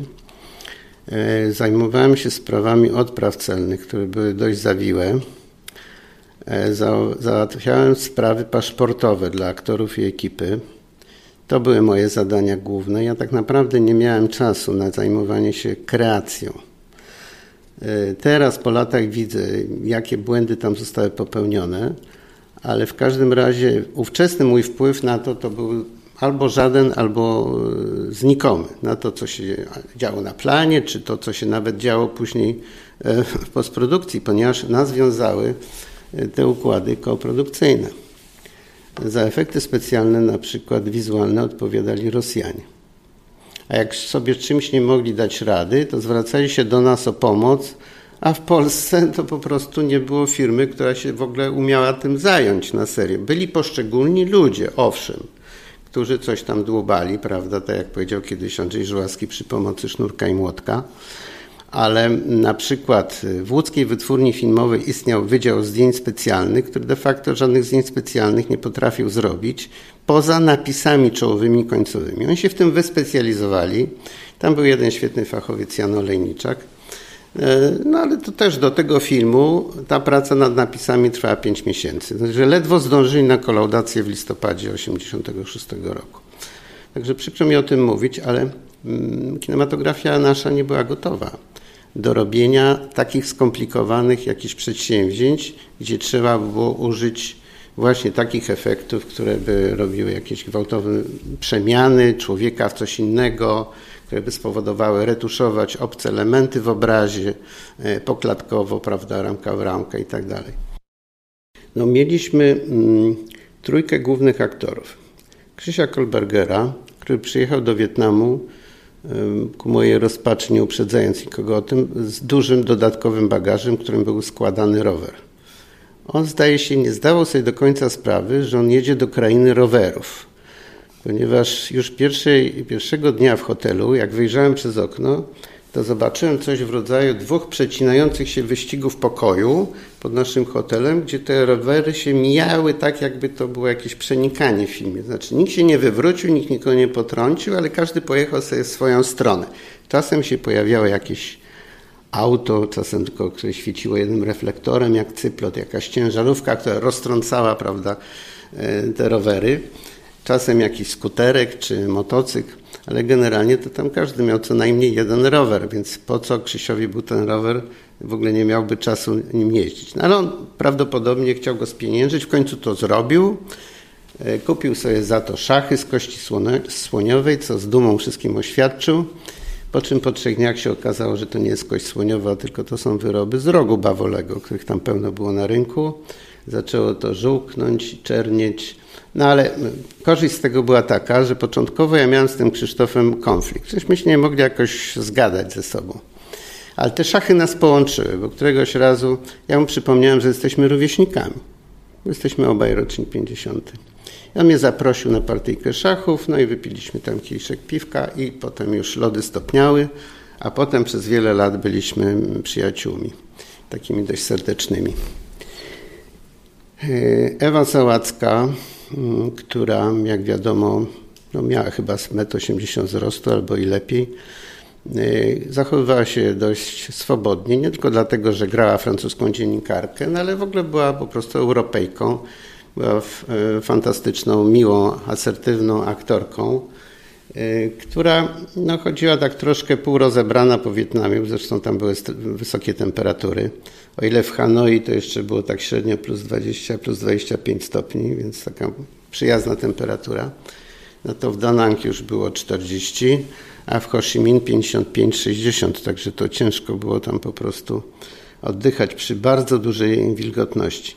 No i któregoś dnia nasz pierywodczyk, czyli tłumacz, przynajmniej Wietnamczyk, pan Truan Hoa, powiedział, e, panie kierowniku, do mnie, e, po rosyjsku oczywiście rozmawialiśmy, ja bardzo proszę, żeby jednak e, pani aktorka, wasza aktorka, żeby nie chodziła sama po mieście. Tak, że to jednak jest trochę niebezpieczne, poza tym ona jest taka troszkę roznegliżowana, tak delikatnie rzecz biorąc więc może dobrze byłoby jej dać jakiegoś ochroniarza, a my tutaj nie mamy nikogo wolnego. No i Krzysiek Kolberger się zgodził i wykonywał taką rolę jej towarzysza. Ona też ograniczyła te swoje wychodzenie w wolnych chwilach na, na miasto. E, tak jak powiedziałem e, wcześniej, zarówno Krzysiek Kolberger, jak i Sałacko oni byli wielkimi fanami tej, tej produkcji, szybko zrozumieli swoją tam pozycję i jak gdyby no po prostu nie marudzili, mimo że warunki klimatyczne były bardzo trudne. Także odpowiedzialny za dźwięk w filmie Krzysztof Wodziński mówi o dużych wyzwaniach klimatycznych, technicznych, jakich wymagało kręcenie w Wietnamie. Posłuchajmy pana Krzysztofa Wodzińskiego, którego odwiedziłem w jego łódzkim mieszkaniu. Nie zaprzeczę, że Marek Piestrak to w moim życiorysie chyba ma najwięcej punktów. Jest to mój ulubiony reżyser.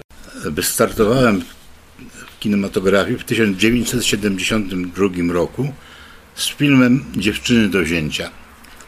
Było, było to kino takie reportażowe, powiedzmy. Bardzo zgrabny wyszedł film. Do dzisiaj chodzi e, na różnych programach. No ale potem się okazało, że jednak najważniejszym było to, że na tym, przy tym kinie Dziewczyny do wzięcia spotkałem Marka Piestraka, który tam był drugim reżyserem i jakoś ta znajomość się zakończyła no, wieloletnią współpracą na planie filmowym. To był Dziewczyny do wzięcia, to był rok 1972. A Pierwszy film z Markiem zrobiłem w 82. Wilczyce. To był stan wojenny, to był, to był upiorny czas. Na wszystkich rogatkach po, posterunki. No ale mieliśmy specjalny autobus, specjalne przepustki. Jeździliśmy to do Kalisza, to gdzie już nie pamiętam nawet jakie to były. W każdym razie ta Wilczyca w 82 roku to był pierwszy nasz wspólny film. A potem przez kilka lat byliśmy związani przy Przyłbicach i Kapturach, taki serial polski i Klątwie Doliny Węży. Klątwa Doliny Węży była filmem no, nie byle jakim. Wietnam to przecież ogromna odległość. Poza tym zdjęcia były tak rozplanowane, że przy okazji kręcenia tego filmu zobaczyliśmy główne punkty Wietnamu, który jest bardzo rozległym krajem, tak położonym na brzegu Morza Południowochińskiego. Bardzo tam miło wspominam. Wietnamczycy byli, ci nasi współpracownicy byli bardzo mili, sympatyczni. Tak. To jest głęboko inny kraj. To jest zupełnie jakiś. I tak czasami się nie czułem tam dobrze. Może powiem, że tak troszkę z żartu, że w Danang tak mi nie odpowiadała kuchnia w hotelu, że przez kilka dni pobytu w Danang, tam jeździliśmy na najtrudniejsze zdjęcia w tym filmie, przez kilka dni pobytu, no już nie pamiętam, bo potem zważyłem się e, w Saigonie i się okazało, że schudłem chyba 4 albo 5 kilo. Jadłem tylko banany i piłem piwo. Jak wspomina te wydarzenia i te początki kręcenia w dżungli sam Marek Piestrak? Myśmy jeździli, byliśmy raz specjalnie z Ryśkiem Lęczewskim na dokumentacji, szukając miejsc zdjęciowych. I myśmy wyjechali lekko podłamani, że myśmy nie wybrali tego, co, co myśmy chcieli.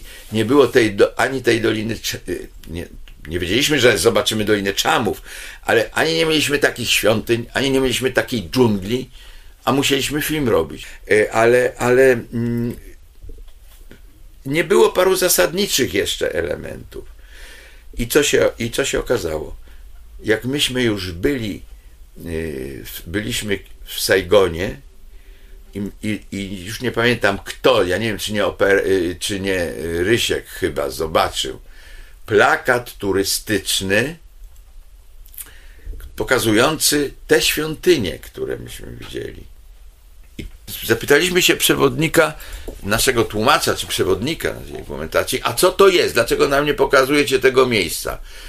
No, bo tam y, nie wolno, bo tam, y, tam robili y, kiedyś Francuzi, Francuzi zaczęli odkopywać te świątynie, robili renowację, ale potem przyszła wojna to, to tam jest poniszczone. Ja mówię, a przecież tu jest, widać jak jacyś turyści zwiedzają, no to oni się tam musieli dostać. No, no tak, ale to bardzo rzadko, helikopterem trzeba tam dojechać, jakiś... Yy, yy, to ci turyści bardzo dużo płacą, specjalne zezwolenia. A ja myśmy się uparli z Ryśkiem. Skoro polecieli turyści inni, to my możemy też tam pojechać. No i to jakoś trwało, trwało aż wreszcie powiedzieli, dobrze, to będzie tam można kręcić. I teraz myśmy mieszkali w hotelu w Danang, wstawaliśmy o trzeciej rano, jechaliśmy trzy godziny jak, po jakichś wertepach, yy, jakimiś starymi, klekocącymi ich mikrobusami. Jak dostaliśmy się do, do końca tej drogi, to trzeba było iść przez góry dwie czy trzy godziny w upale 40 paru stopni. Docieraliśmy mniej więcej około 11-12 tam, po, po, po 8 godzinach od wstania. Po drodze myśmy nieśli, bo myśmy mieli niby portatorów, czyli tych ludzi, którzy będą nieśli cały sprzęt, ale oni w pierwszych krzakach siadali, że już są za bardzo zmęczeni i nie idą dalej. Ja niosłem 20-kilowy y, w skrzynce y, ten y, akumulator do kamery. Ekipa brała, Rysiek kamerę, no kilkunastoosobowa w sumie z aktorami i, my, i myśmy przez te góry szli. No i plus był tłumacz wietnamski i, i, i był ze strony wietnamskiej jeszcze asystent jakiś kierownika produkcji. To ci się zachowywali, oczywiście też pomagali nieść, ale ci wynajęci to...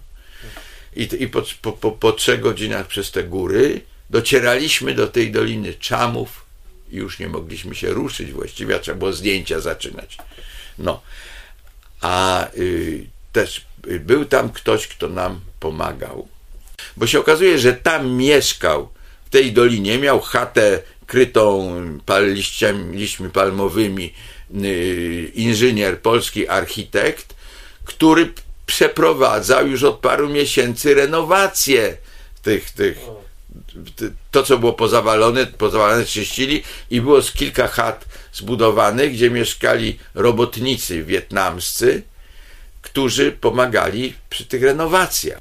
I potem mm, i on nam tłumaczył, pomagał, u niego w tym, w jego chacie się gotowało herbatę czy coś, no, coś tam upał 40 parę stopni był, a, a tylko herbatę może gorącą, że nie było żadnych zimnych napojów, tam nikt tego nie mógł donieść, do, dowieść i tak dalej. Tam też przeżyłem niesłychaną przygodę z Ryśkiem Lęczewskim, może potwierdzić każde słowo. Y, myśmy y, o tej Dolinie Czamów chcieliśmy nakręcić w ogóle o Dolinie Czamów w jakichś zabytkach y, film dokumentalny. I to załatwiliśmy, ja nie wiem, czy zawczasu, czy potem, że ten film powstał w, inter, w Interpresie. Ale myśmy z Ryśkiem postanowili, że w tej, raz zostaniemy tam na noc i zanim i będziemy wieczorem, jak ekipa pójdzie i, i zanim przyjdą, to my to te najbardziej interesujące rzeczy nakręcimy. I myśmy zostali tam. No i wszyscy byli, bo cicho, spokój, ekipa sobie sama odmaszerowała, myśmy sami byli we dwóch z kamerą, sobie oglądaliśmy to, kręciliśmy. I potem wieczorem przyszedł do nas ten inżynier i zaprosił nas, że ma ciekawe miejsce, nam pokaże. Tam były stoki takich górek też nad tą doliną, tam już jest blisko, blisko granica z Laosem, to jest na granicy z Laosem. I mówi, tam mm, przyniesie nam pani herbatę i my sobie porozmawiamy. No i poszliśmy tam do góry, już było ciemno i, doniosła nam jakąś herbatę. Tam było ciekawe miejsce, bo była, to były też jakieś wykopaliska, tam była lingua taka z kamieni i joni. Takie, e, takie to, to on powiedział, ile to miało setek lat to, to, to oczyszczone już tam było i, i koło tego myśmy tego, tego ołtarza takiego charakterystycznego właśnie myśmy tam siedzieli.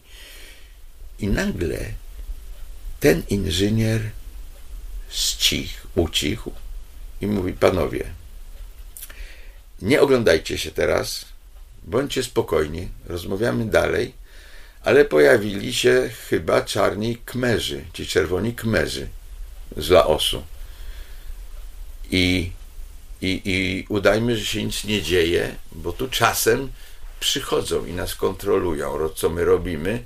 Na razie mnie nie ruszają, ani nas, bo wiedzą, że my odnawiamy jakieś niby świątynie, świątyni, czy to byli skrajni lewacy, marksiści, ale jednak z ludem coś tam robimy, więc być może się uda.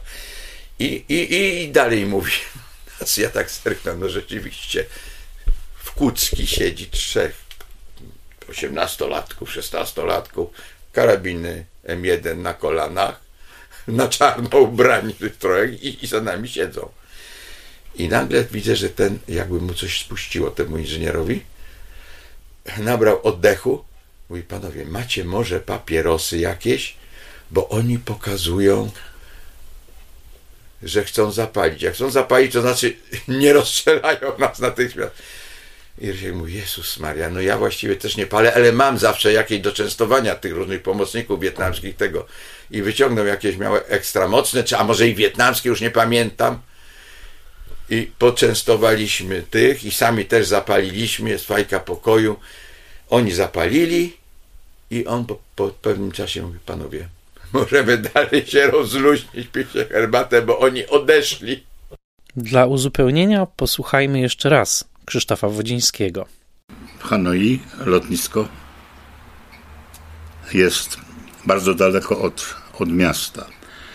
Droga jest upiornie zatłoczona, także powrót z tego to chyba były dobre dwie, dwie, dwie i pół godziny jazdy. I tam zobaczyliśmy pierwszy raz, jakie, może być, jakie może być zagęszczenie ruchu po prostu ludzkiego. Wszyscy na rowerach, te ogromne kapelusze przeciwdeszczowe. Piękny widok, ale jazda była, no też my po 24-godzinnej podróży jeszcze dawała taki dość, no powiedziałbym, e, prymitywny jakiś autobus, bo nie, nie był on dobrze e, resorowany, jechało się w nim tak, trochę jak na, na furmance. ale potem jakoś się przyzwyczailiśmy i, i te wszystkie przejazdy jakoś znosiliśmy lepiej. Była nagrywana scena, kiedy przylatują z Paryża Traben, yy, Christine i, i spółka. No i było wtedy lądowanie w Hanoi takiego dużego e, czterosilnikowego Boeinga.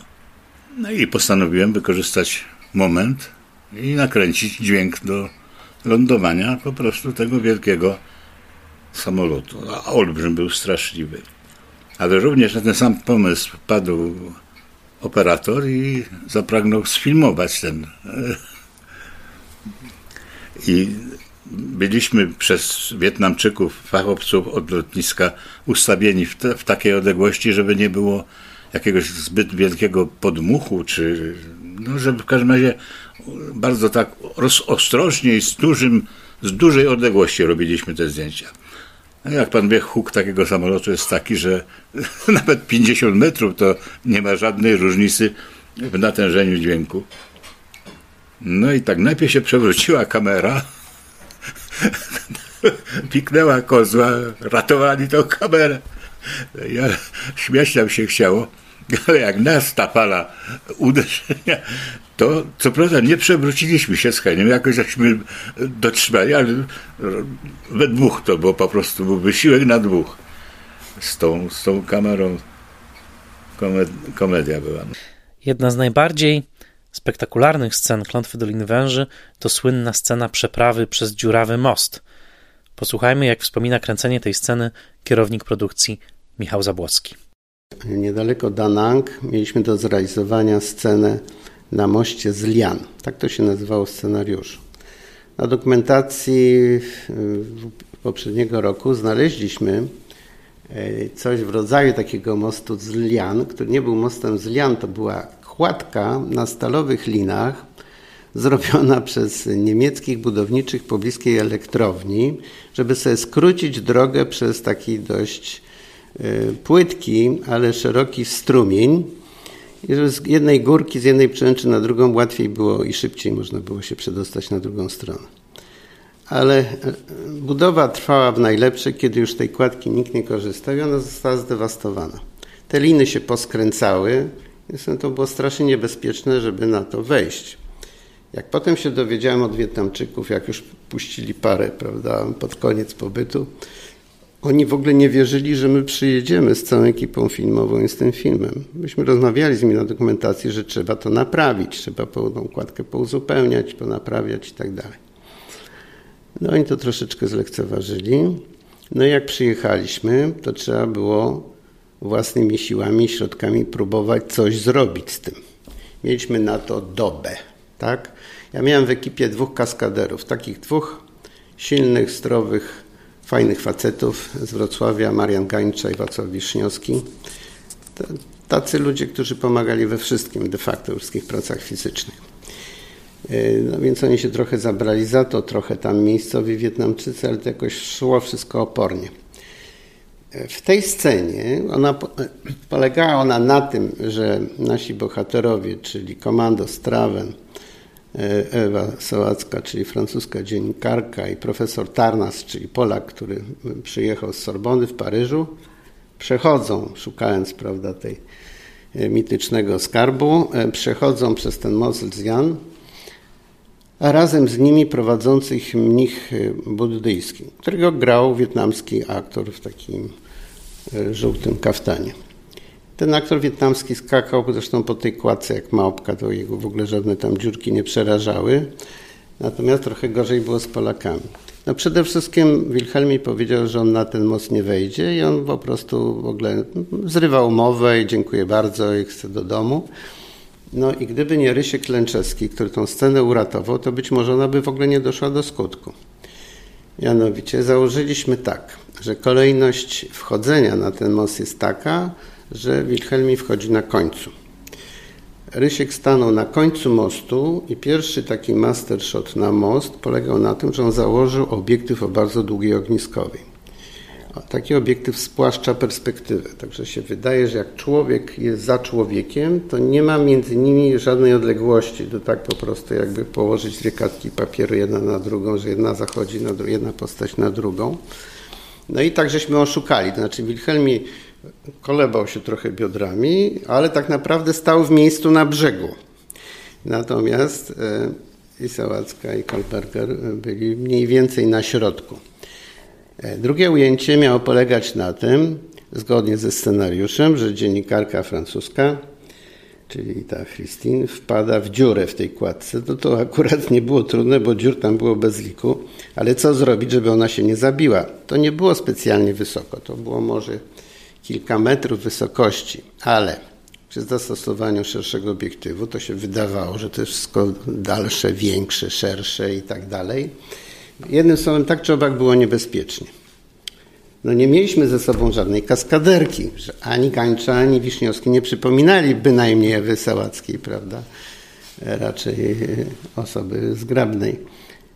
Wobec tego ci kaskaderzy w przeddzień zdjęć w nocy utkali taką siatkę żyłek nylonowych, bo było jasne, że tego nie będzie widać i próbowali zrobić coś w rodzaju pasa, z takimi zaczepami na te liny stalowe, które były podstawą tej kładki, że w razie czego jakby nawet miała spaść, to się to troszkę osłabił upadek. A oni sami stanęli w rzece na dole i czatowali na nią. To znaczy, gdyby ona się rzeczywiście urwała, to istniało 50% szans, moim zdaniem, że oni ją złapią i że się nikomu nic nie stanie. No, na szczęście y, Ewa zagrała to tak, że jest to, jest to przekonywujące. Tak? I uważam, że że to wszystko zasługa jest e, operatorów. E, szwękierem był Andrzej Wyrozemski, który robił te zdjęcia z dołu, a Lęczewski zdjęcia na górze.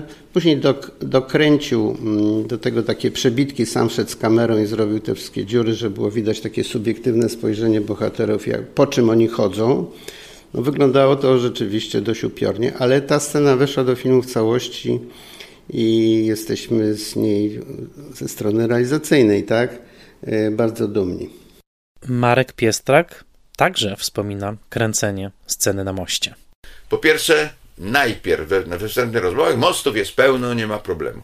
Ja wiedziałem, jak takie mosty wyglądają, e, bo przecież e, byłem w Himalajach, idąc do, do base campu takich rzek, parę razy przekraczaliśmy na takich mostach właśnie i wiedziałem, jak wyglądają mosty.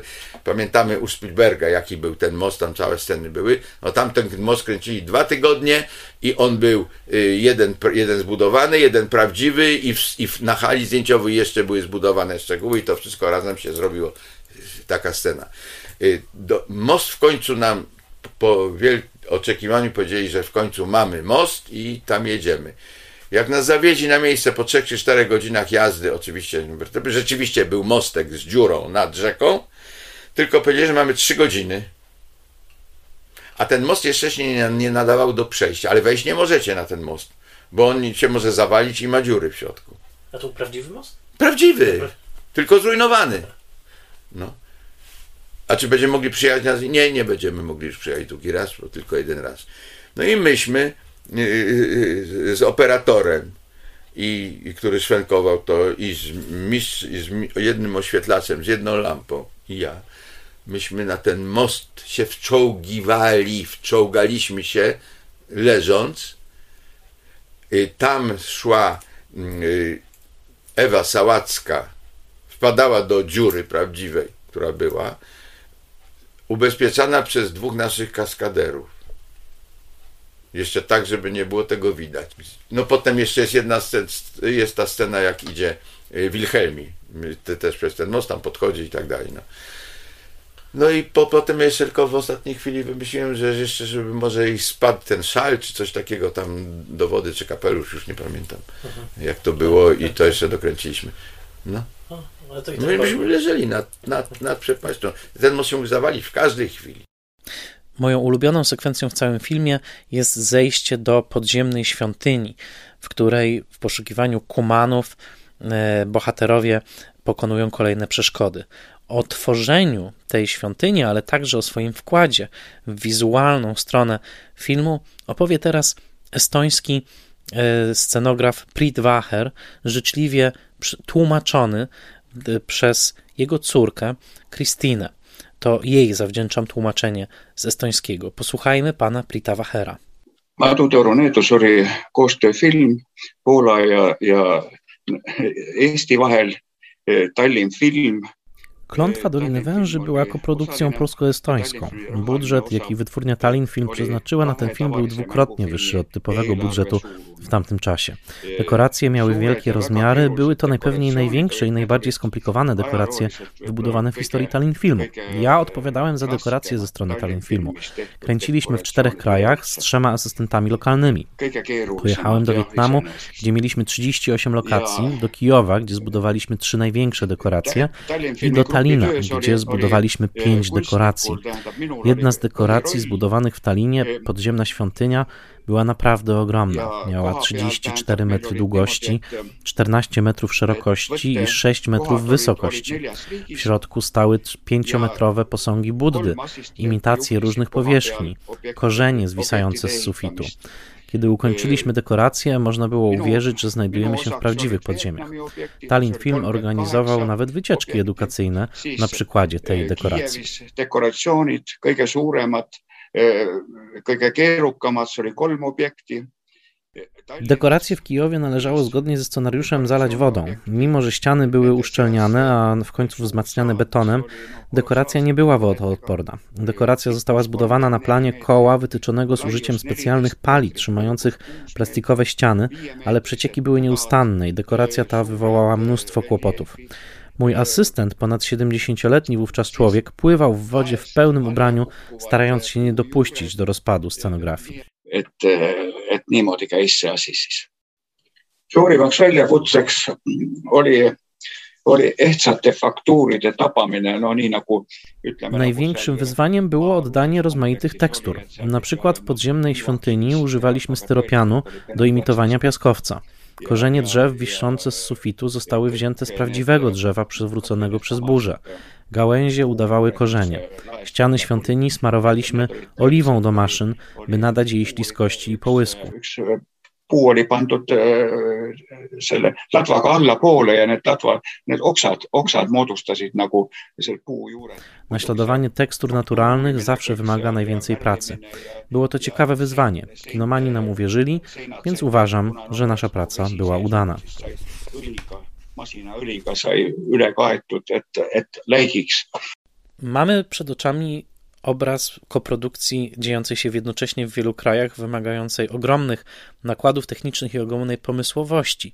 Możemy zapytać w takim razie, jak w tym wszystkim odnalazł się Marek Piestrak jako reżyser? Jaki był dla swoich współpracowników? Jak zachowywał się na planie? O tym opowie nam Krzysztof Wodziński. Nie słyszałem, żeby Marek krzyczał. Tak, to w ogóle, wie pan, to on miał jakiś taki, i ma oczywiście jakiś taki talent reżyserski, że nie musi, nie musi stwarzać konfliktu. On raczej jest bardzo tak sympatycznie nastawiony do swoich współpracowników. Wymaga swoje wymaga. Zresztą nikt się e, nie, nie, nie obijał. Tak to. Film jest czymś takim, że chce się pracować dobrze albo nawet na granicy możliwości. I to bardzo y, odczułem właśnie przy tych wszystkich filmach Marka.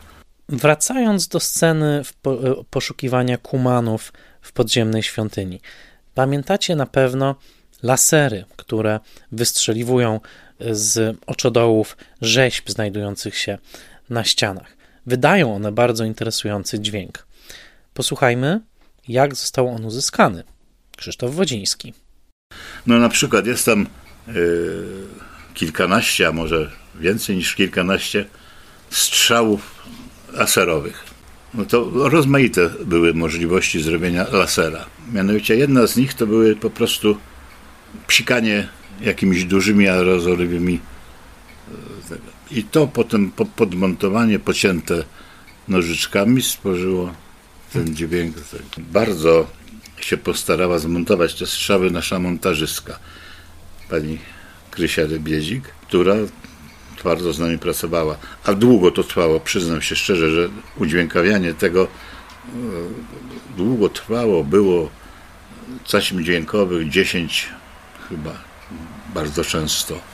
Także wtedy to było upiornie. Wie pan, teraz pan ma wszystko pod jednym palcem. Wszystko jest w technice cyfrowej. Wszystko jest jak, no, każdy dźwięk może pan ustawić co do ćwierć decybela. Wszystkie te proporcje się zachowują bez żadnych z pana strony starań, bo po prostu robi to automat. To wspaniale się pracuje. Równie interesujące efekty dotyczą oczywiście tytułowych węży. Jak wspomina pracę nad wężowym aspektem filmu Krzysztof Wodziński? Węże zostały nagrane, prawdziwe kobry w Talinie. Był specjalista od węży i wtedy zastąpił mnie mój przyjaciel, Henio Szurkowski i nagrał mi pierwszorzędnie, na normalnej nagrze. Pytałem go potem, jak, jak ci się tam podobało. A on mówi, nic, nic, byliśmy w hotelu, a jak skończyłem to nagrywanie, to się okazało, że jestem mokry. Także te węże, to to panu odpowiem, są prawdziwe, cholerne, potwornie jadowite kobry. Nie wiem, jak ten człowiek, bo on tam miał chyba parę tych węży. Mówię, nie byłem, nie byłem tam i ja aż żałuję. Współpracę z wężami wspomina także Marek Piestrak. Te węże, te prawdziwe kobry, prawdziwe. to były z fermy rosyjskiej, y, gdzieś na, na dalekim, na granicy Chin, w jakiejś z republik, y, tam to można było Azerbejdżan albo, albo, albo inna jakaś ta, ta z tych, albo Turkmenistan, no tam gdzie były kobry, tam była ferma, która robiła szczepionki na ukąszenia węży.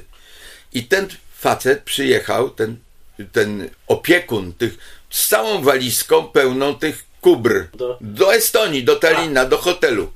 Bo to myśmy najpierw pod czołówkę, tak, gdzie są, to tak. są prawdziwe. I tam, no a potem yy, były inne, inne sceny w dekoracji, ta, ta, jak spadli tam tak, do tak. tej dziury.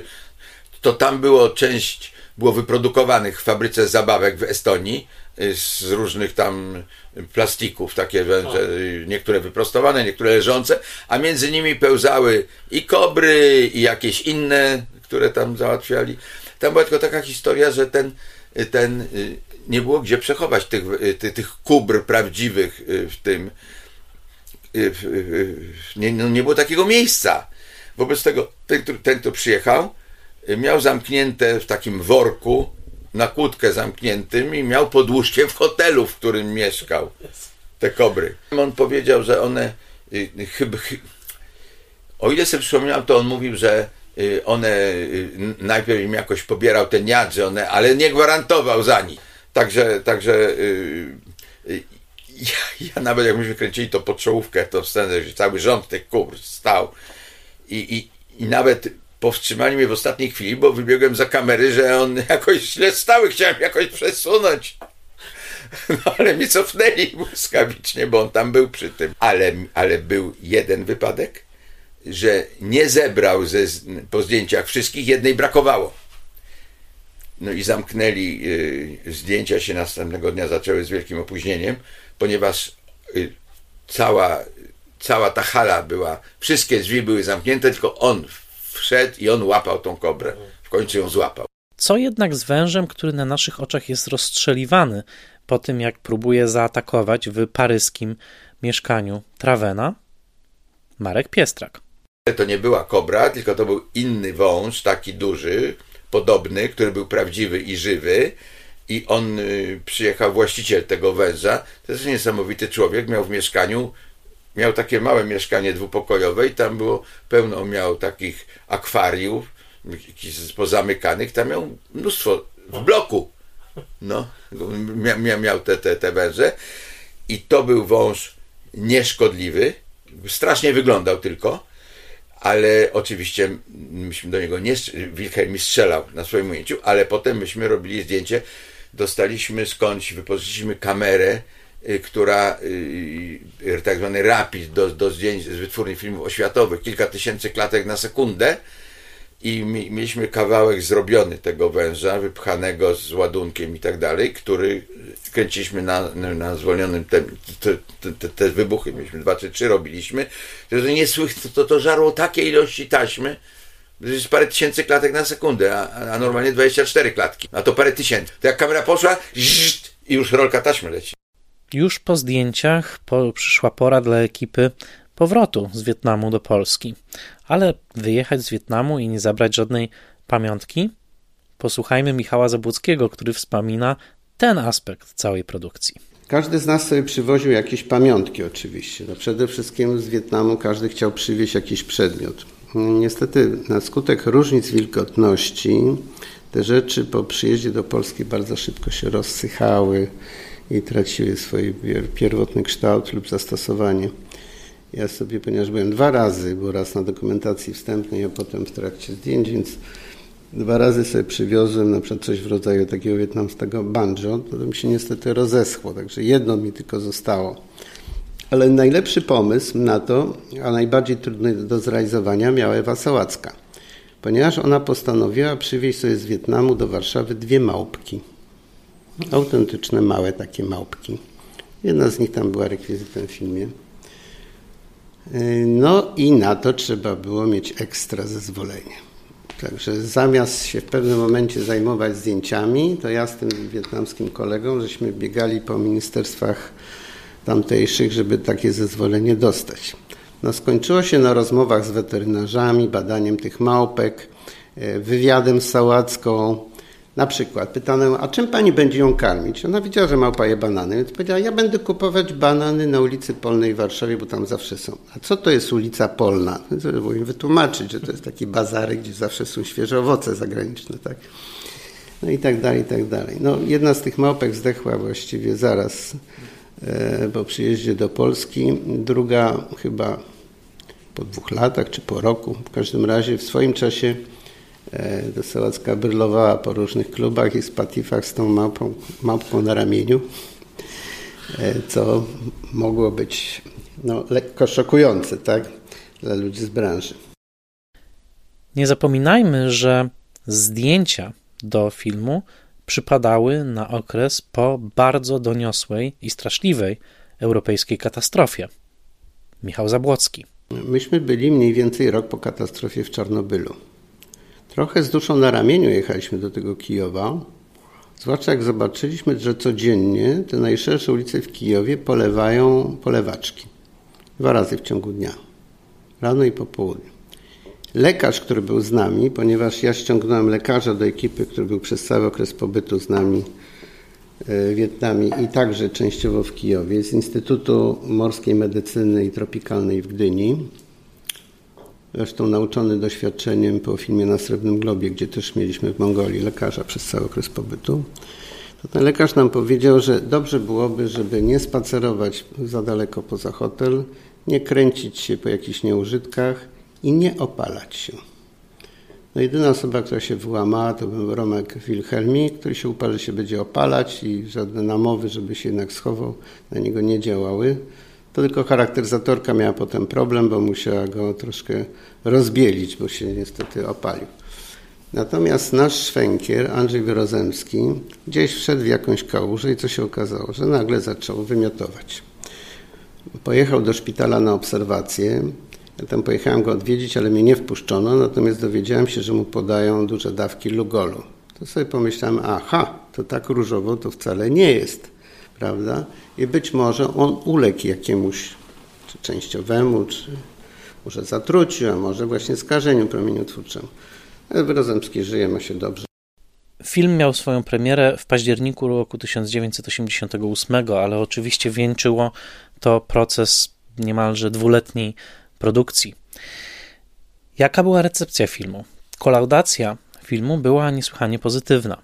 Między innymi Barbara Sass w trakcie kolaudacji chwaliła film, mówiąc, cytuję tutaj, dzięki uprzejmości Filmoteki Narodowej, stenogram z owej kolaudacji.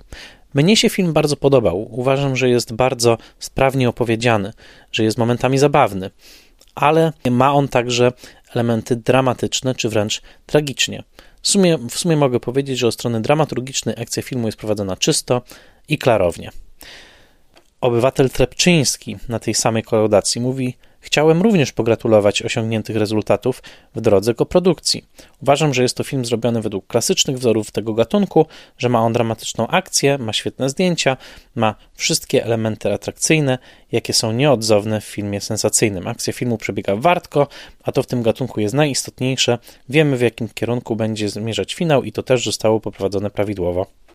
Jaka była recepcja filmu i jak ją wspomina Marek Piestrak? No wtedy, wtedy no, oczywiście te wszystkie pierwsze recenzje były bardzo dobre. Węże robią kasę. Pamiętam, ja mam gdzieś jakieś takie wycinki z tego wszystkiego. To było przyjemnie, bo mi przysyłali. Ale ja panu powiem anegdotę. Aha. Bo ten, oczywiście jak potem się dowiedziałem, że on miał ponad 20 milionów, niektórzy podają, że 30 milionów widzów w Związku Radzieckim, ale to się potwierdziło. Y, ja już wydawało mi się, że to pomyłka, ale nie, no oni potwierdzali, że tak było, rzeczywiście. Ale ja panu 10 y, lat temu może nie 10, może 8 czy 7, no jakoś parę lat temu. Byłem gościem festiwalu, y, odpowiednika naszego festiwalu filmowego w Gdańsku, w Gdyni. Taki chiński, chiński to był festiwal. I ja pojechałem do Chin. To była, to inna jest opowieść, ale w recepcji hotelu w Pekinie usłyszałem, że paru ludzi mówi po rosyjsku i ja jakoś się tam meldowałem, czy, czy klucz brałem i, i się zapytałem, po angielsku ta nie wiedziała, ale takim łamanym rosyjskim coś mi odpowiedziała, ja też, a i do, jeden z tych trzech panów w garniturach, eleganckich bardzo, yy, i mówi, a wy, yy, wy odkuda? No gabaricie harasu paruski. Ja mówię, ja z Polski. A, a można znać waszą familię, bo on słyszał coś. Ja mówię, pies tak. A wy to, etot reżyser? Ja mówię, da. No to się rozkrokmali. Proszę pana, jak dziękuję panu. Ja, proszę pana, na pana film stałem 4 godziny w kolejce do największego kina w Moskwie w upale, żeby dostać bilet. No, i to był, i, i dał mi wizytówkę. No, to był pierwszy sekretarz ambasady i atasze kulturalny ambasady radzieckiej w Pekinie. No. Od strony ekonomicznej podsumowuje film Michał Zabłocki. De facto dystrybucja w Polsce ona też ewoluowała w różne formy. Formą państwową była centrala wynajmu filmów e, i nie zachowały się, przynajmniej nic mi na ten temat nie wiadomo, być może w jakiejś szufladzie w, minister, Ministerstwie Kultury to jest, albo w jakimś archiwum, ale my tak na dobrą sprawę nie wiemy, ile było widzów tu i tam, gdzie, do jakich krajów ten film był sprzedany. Mnie na ten temat nic nie wiadomo. Wiem tylko, e, między innymi od e, Piestraka, który to badał, ją zresztą robił później jeszcze filmy ze Estończykami, że, że Estonia film na tym wyszła najlepiej, bo przy stosunkowo niewielkim i często takim formalnym wkładzie oni zarobili miliony rubli z dystrybucji filmu na terenie Związku Radzieckiego. E, wiem, że w Wietnamie, jak ten film był wyświetlany, to on był zdzierany do białości. Tam były kopie zdzierane i były też nielegalne pokazy, takie powiedzmy sobie, gdzie ludzie wchodzili przez okno w dachu, żeby ten film zobaczyć. Okres realizacji trwał e, prawie zgodnie z planem, mianowicie 330 dni, czyli de facto rok, prawda? Od 2 lutego 86 do grudnia 86.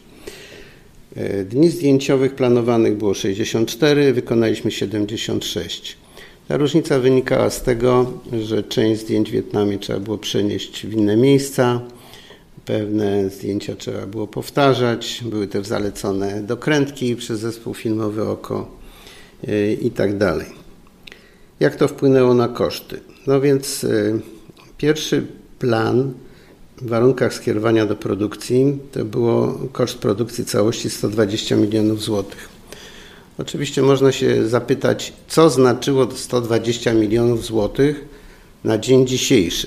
Więc gdyby to przeliczyć tak po takich wskaźnikach inflacyjnych, które są na stronie Ministerstwa Finansów, to by nam wyszło, że to jest między 9 a 12 milionów złotych aktualnych. To była ta polska część tego budżetu ale tak naprawdę wartość produkcyjna tego naszego wkładu była o wiele większa. Także ja bym to oceniał, przynajmniej pomnożył razy dwa jeszcze, tak? Plus wkłady strony radzieckiej, to powodowało, że to był jeden z najdroższych filmów w tamtym czasie. W sumie koszt przekroczyliśmy o 10%, także wyszło z tego nam 145 milionów. Ja tylko przypomnę, że to był 87 rok, to był już początek rozmaitych przemian ekonomicznych. To znaczy przede wszystkim gwałtownie wzrastała inflacja. Już w latach 90., prawda, już w milionach nam wypłacano pensje i później trzeba było zrobić denominację pieniądza, gdzie złotówka to było 10 tysięcy tych poprzednich złotówek. Prawda? Poza tym nieustannie się zmieniały ceny, także ja, ja musiałem ten kosztorys nieustannie korygować i pisać wnioski o dofinansowanie. Także z tego tytułu nie poniosłem żadnych negatywnych konsekwencji, bo wszystko, cała moja argumentacja zawarta w sprawozdaniu organizacyjno-ekonomicznym, które tutaj przyniosłem na, na ten nasz wywiad radiowy, żeby pokazać mhm, panu mhm. Michałowi, została uznana i dostaliśmy drugą kategorię ekonomiczną, czyli nie pierwszą, no bo nie zmieściliśmy się w koszcie, ale jako ekipa, tak? Natomiast mm, dostaliśmy drugą, a nie jakąś gorszą, prawda, gdzie ekipa nie mogłaby na przykład dostać nagród, bo to były takie czasy, gdzie głównie realizatorzy dostawali nagrody ekonomiczne i artystyczne, natomiast ja miałem prawo także według własnego uznania, szkoda, że teraz tego nie ma przyjemnego zwyczaju, mogłem e, rozdać pulę nagród dla poszczególnych członków ekipy. Także biorąc pod uwagę ich wkład pracy, zaangażowanie, no to wtedy właśnie nastąpiła chwila prawdy i niektórzy dostali więcej, a niektórzy mniej. Ja byłem tak wyczerpany tym filmem, powiem szczerze, tymi wszystkimi formalnościami, jakie załatwiałem. W międzyczasie zmieniła się dyrekcja zespołów filmowych, która zmieniła nazwę. E, na komisji kosztorysowej witał mnie pan Leon Bach, a na kolaudacji żegnał mnie Jerzy Rutowicz. Zmieniła firma nazwę na zespoły polskich producentów filmowych. E, wszystko się gwałtownie zmieniało, aż później nastąpiła, jak wiadomo, później dwa lata, dwa lata później transformacja ustrojowa. Ja wiedziałem jedno, bo ja byłem wykształconym ekonomistą we Wrocławiu, w Wyższej Szkole Ekonomicznej i ja wiedziałem, że tego typu filmu to już nigdy w życiu nie zrobię. E, że nie będzie do tego warunków sprzyjających, że to się wszystko musi paść i nie będzie Związku Radzieckiego tego lepiszcza, które gwarantowało atrakcyjne plenery za stosunkowo niewielkie pieniądze. No to jeszcze w grę wchodziły pewne wirtualne rozliczenia, o których by można tutaj mówić, ruble transferowe, prawda, bartery i tak dalej, wzajemne wymiany usług na, na różnych szczeblach. E, teraz czegoś takiego nie ma. Teraz to po prostu ten, kto chce coś sobie załatwić, no to szuka dostawcy, prawda, decyduje cena, płaci się za usługę i do widzenia. Wszystkie ceny wzrosły po prostu horrendalnie. E, teraz realizacja takiego filmu wydaje mi się byłaby prawie niemożliwa, zwłaszcza w skromnych warunkach finansowych polskiej kinematografii. A poza tym ja byłem tak wymęczony, na coś jeszcze nałożyło moje e, osobiste problemy, e, że ja zrezygnowałem z zawodu de facto.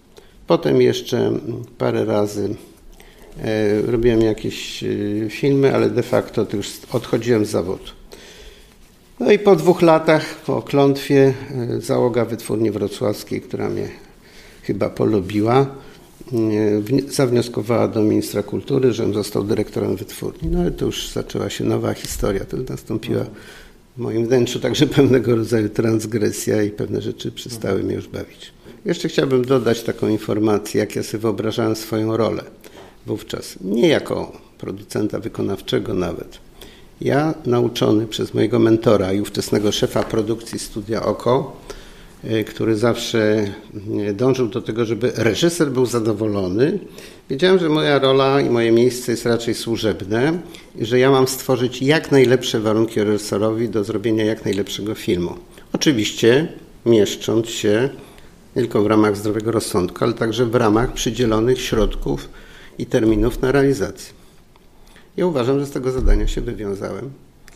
A jeżeli ktoś ma wątpliwości, to niech zapyta Marka Piestraka. A jako, że sam Marek Piestrak ma wyłącznie najcieplejsze słowa do powiedzenia o Michale Zabłockim i o roli, którą właśnie odegrał, to znaczy owego stworzenia jak najlepszych warunków pracy, jakie były możliwe, tutaj możemy powoli zamykać naszą opowieść o Klątwie Doliny Węży, o polskim filmie nowej przygody, o polskim sukcesie frekwencyjnym, polskim filmie, który wyznaczył sobie poprzeczkę gdzieś wysoko hen w hollywoodzkich wysokościach i doskoczył tak wysoko, jak było możliwe w tamtych warunkach technicznych i produkcyjnych. Ten odcinek powstał we współpracy z Octopus Film Festival, na którym tuż przed jego ukończeniem miałem przyjemność gościć pana Marka Piestraka w ramach retrospektywy jego filmów zorganizowanej właśnie przez Octopusa. Ogromne podziękowania należą się dla Grzegorza Fortuny i Krystiana Kujdy, dyrektorów festiwalu. I w tym momencie przechodzę do podziękowań, ponieważ ten odcinek, który wymagał bardzo dużej, bardzo dużej pracy, nie powstałby, gdyby nie wsparcie osób i instytucji, które pomogły mi w researchu. Przede wszystkim dziękuję wszystkim patronkom i patronom. Bez waszego finansowego wsparcia i bez waszego wsparcia duchowego i tego, że zagrzewaliście mnie do walki, ten odcinek po prostu by nie powstał. Nie wygospodarowałbym czasu, nie byłbym w stanie się poświęcić tak e, e, badaniu tego filmu i kontaktowaniu się z ludźmi, którzy go stworzyli. A zatem na pierwszym miejscu dziękuję patronkom i patronom Spoilermastera. Ten odcinek istnieje dzięki wam. Dziękuję festiwalowi Octopus, partnerowi tego odcinka.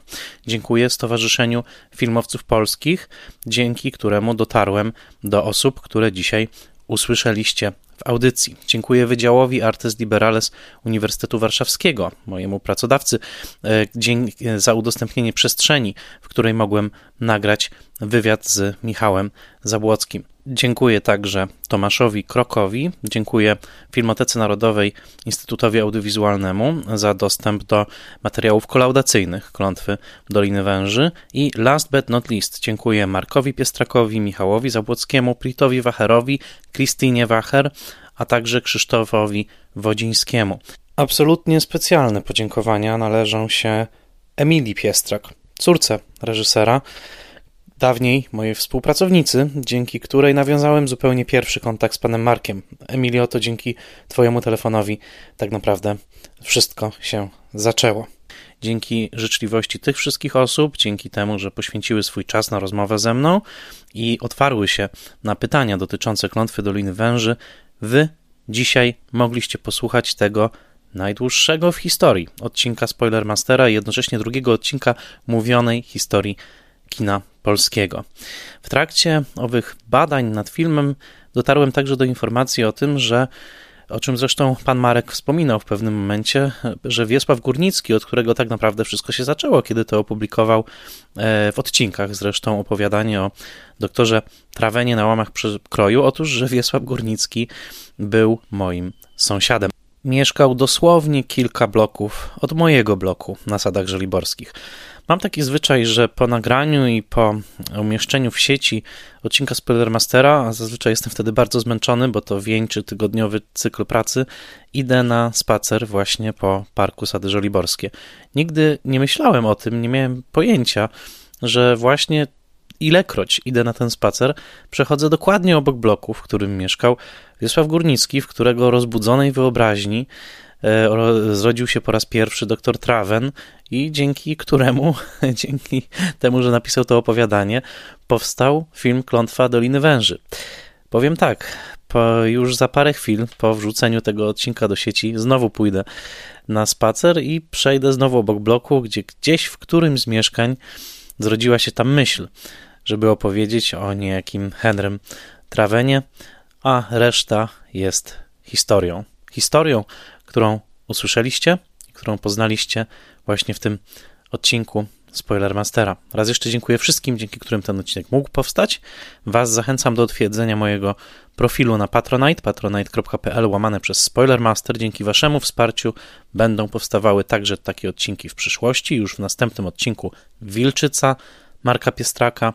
A teraz serdecznie dziękuję wam za słuchanie i do usłyszenia, bo kolejny Spoilermaster już za tydzień.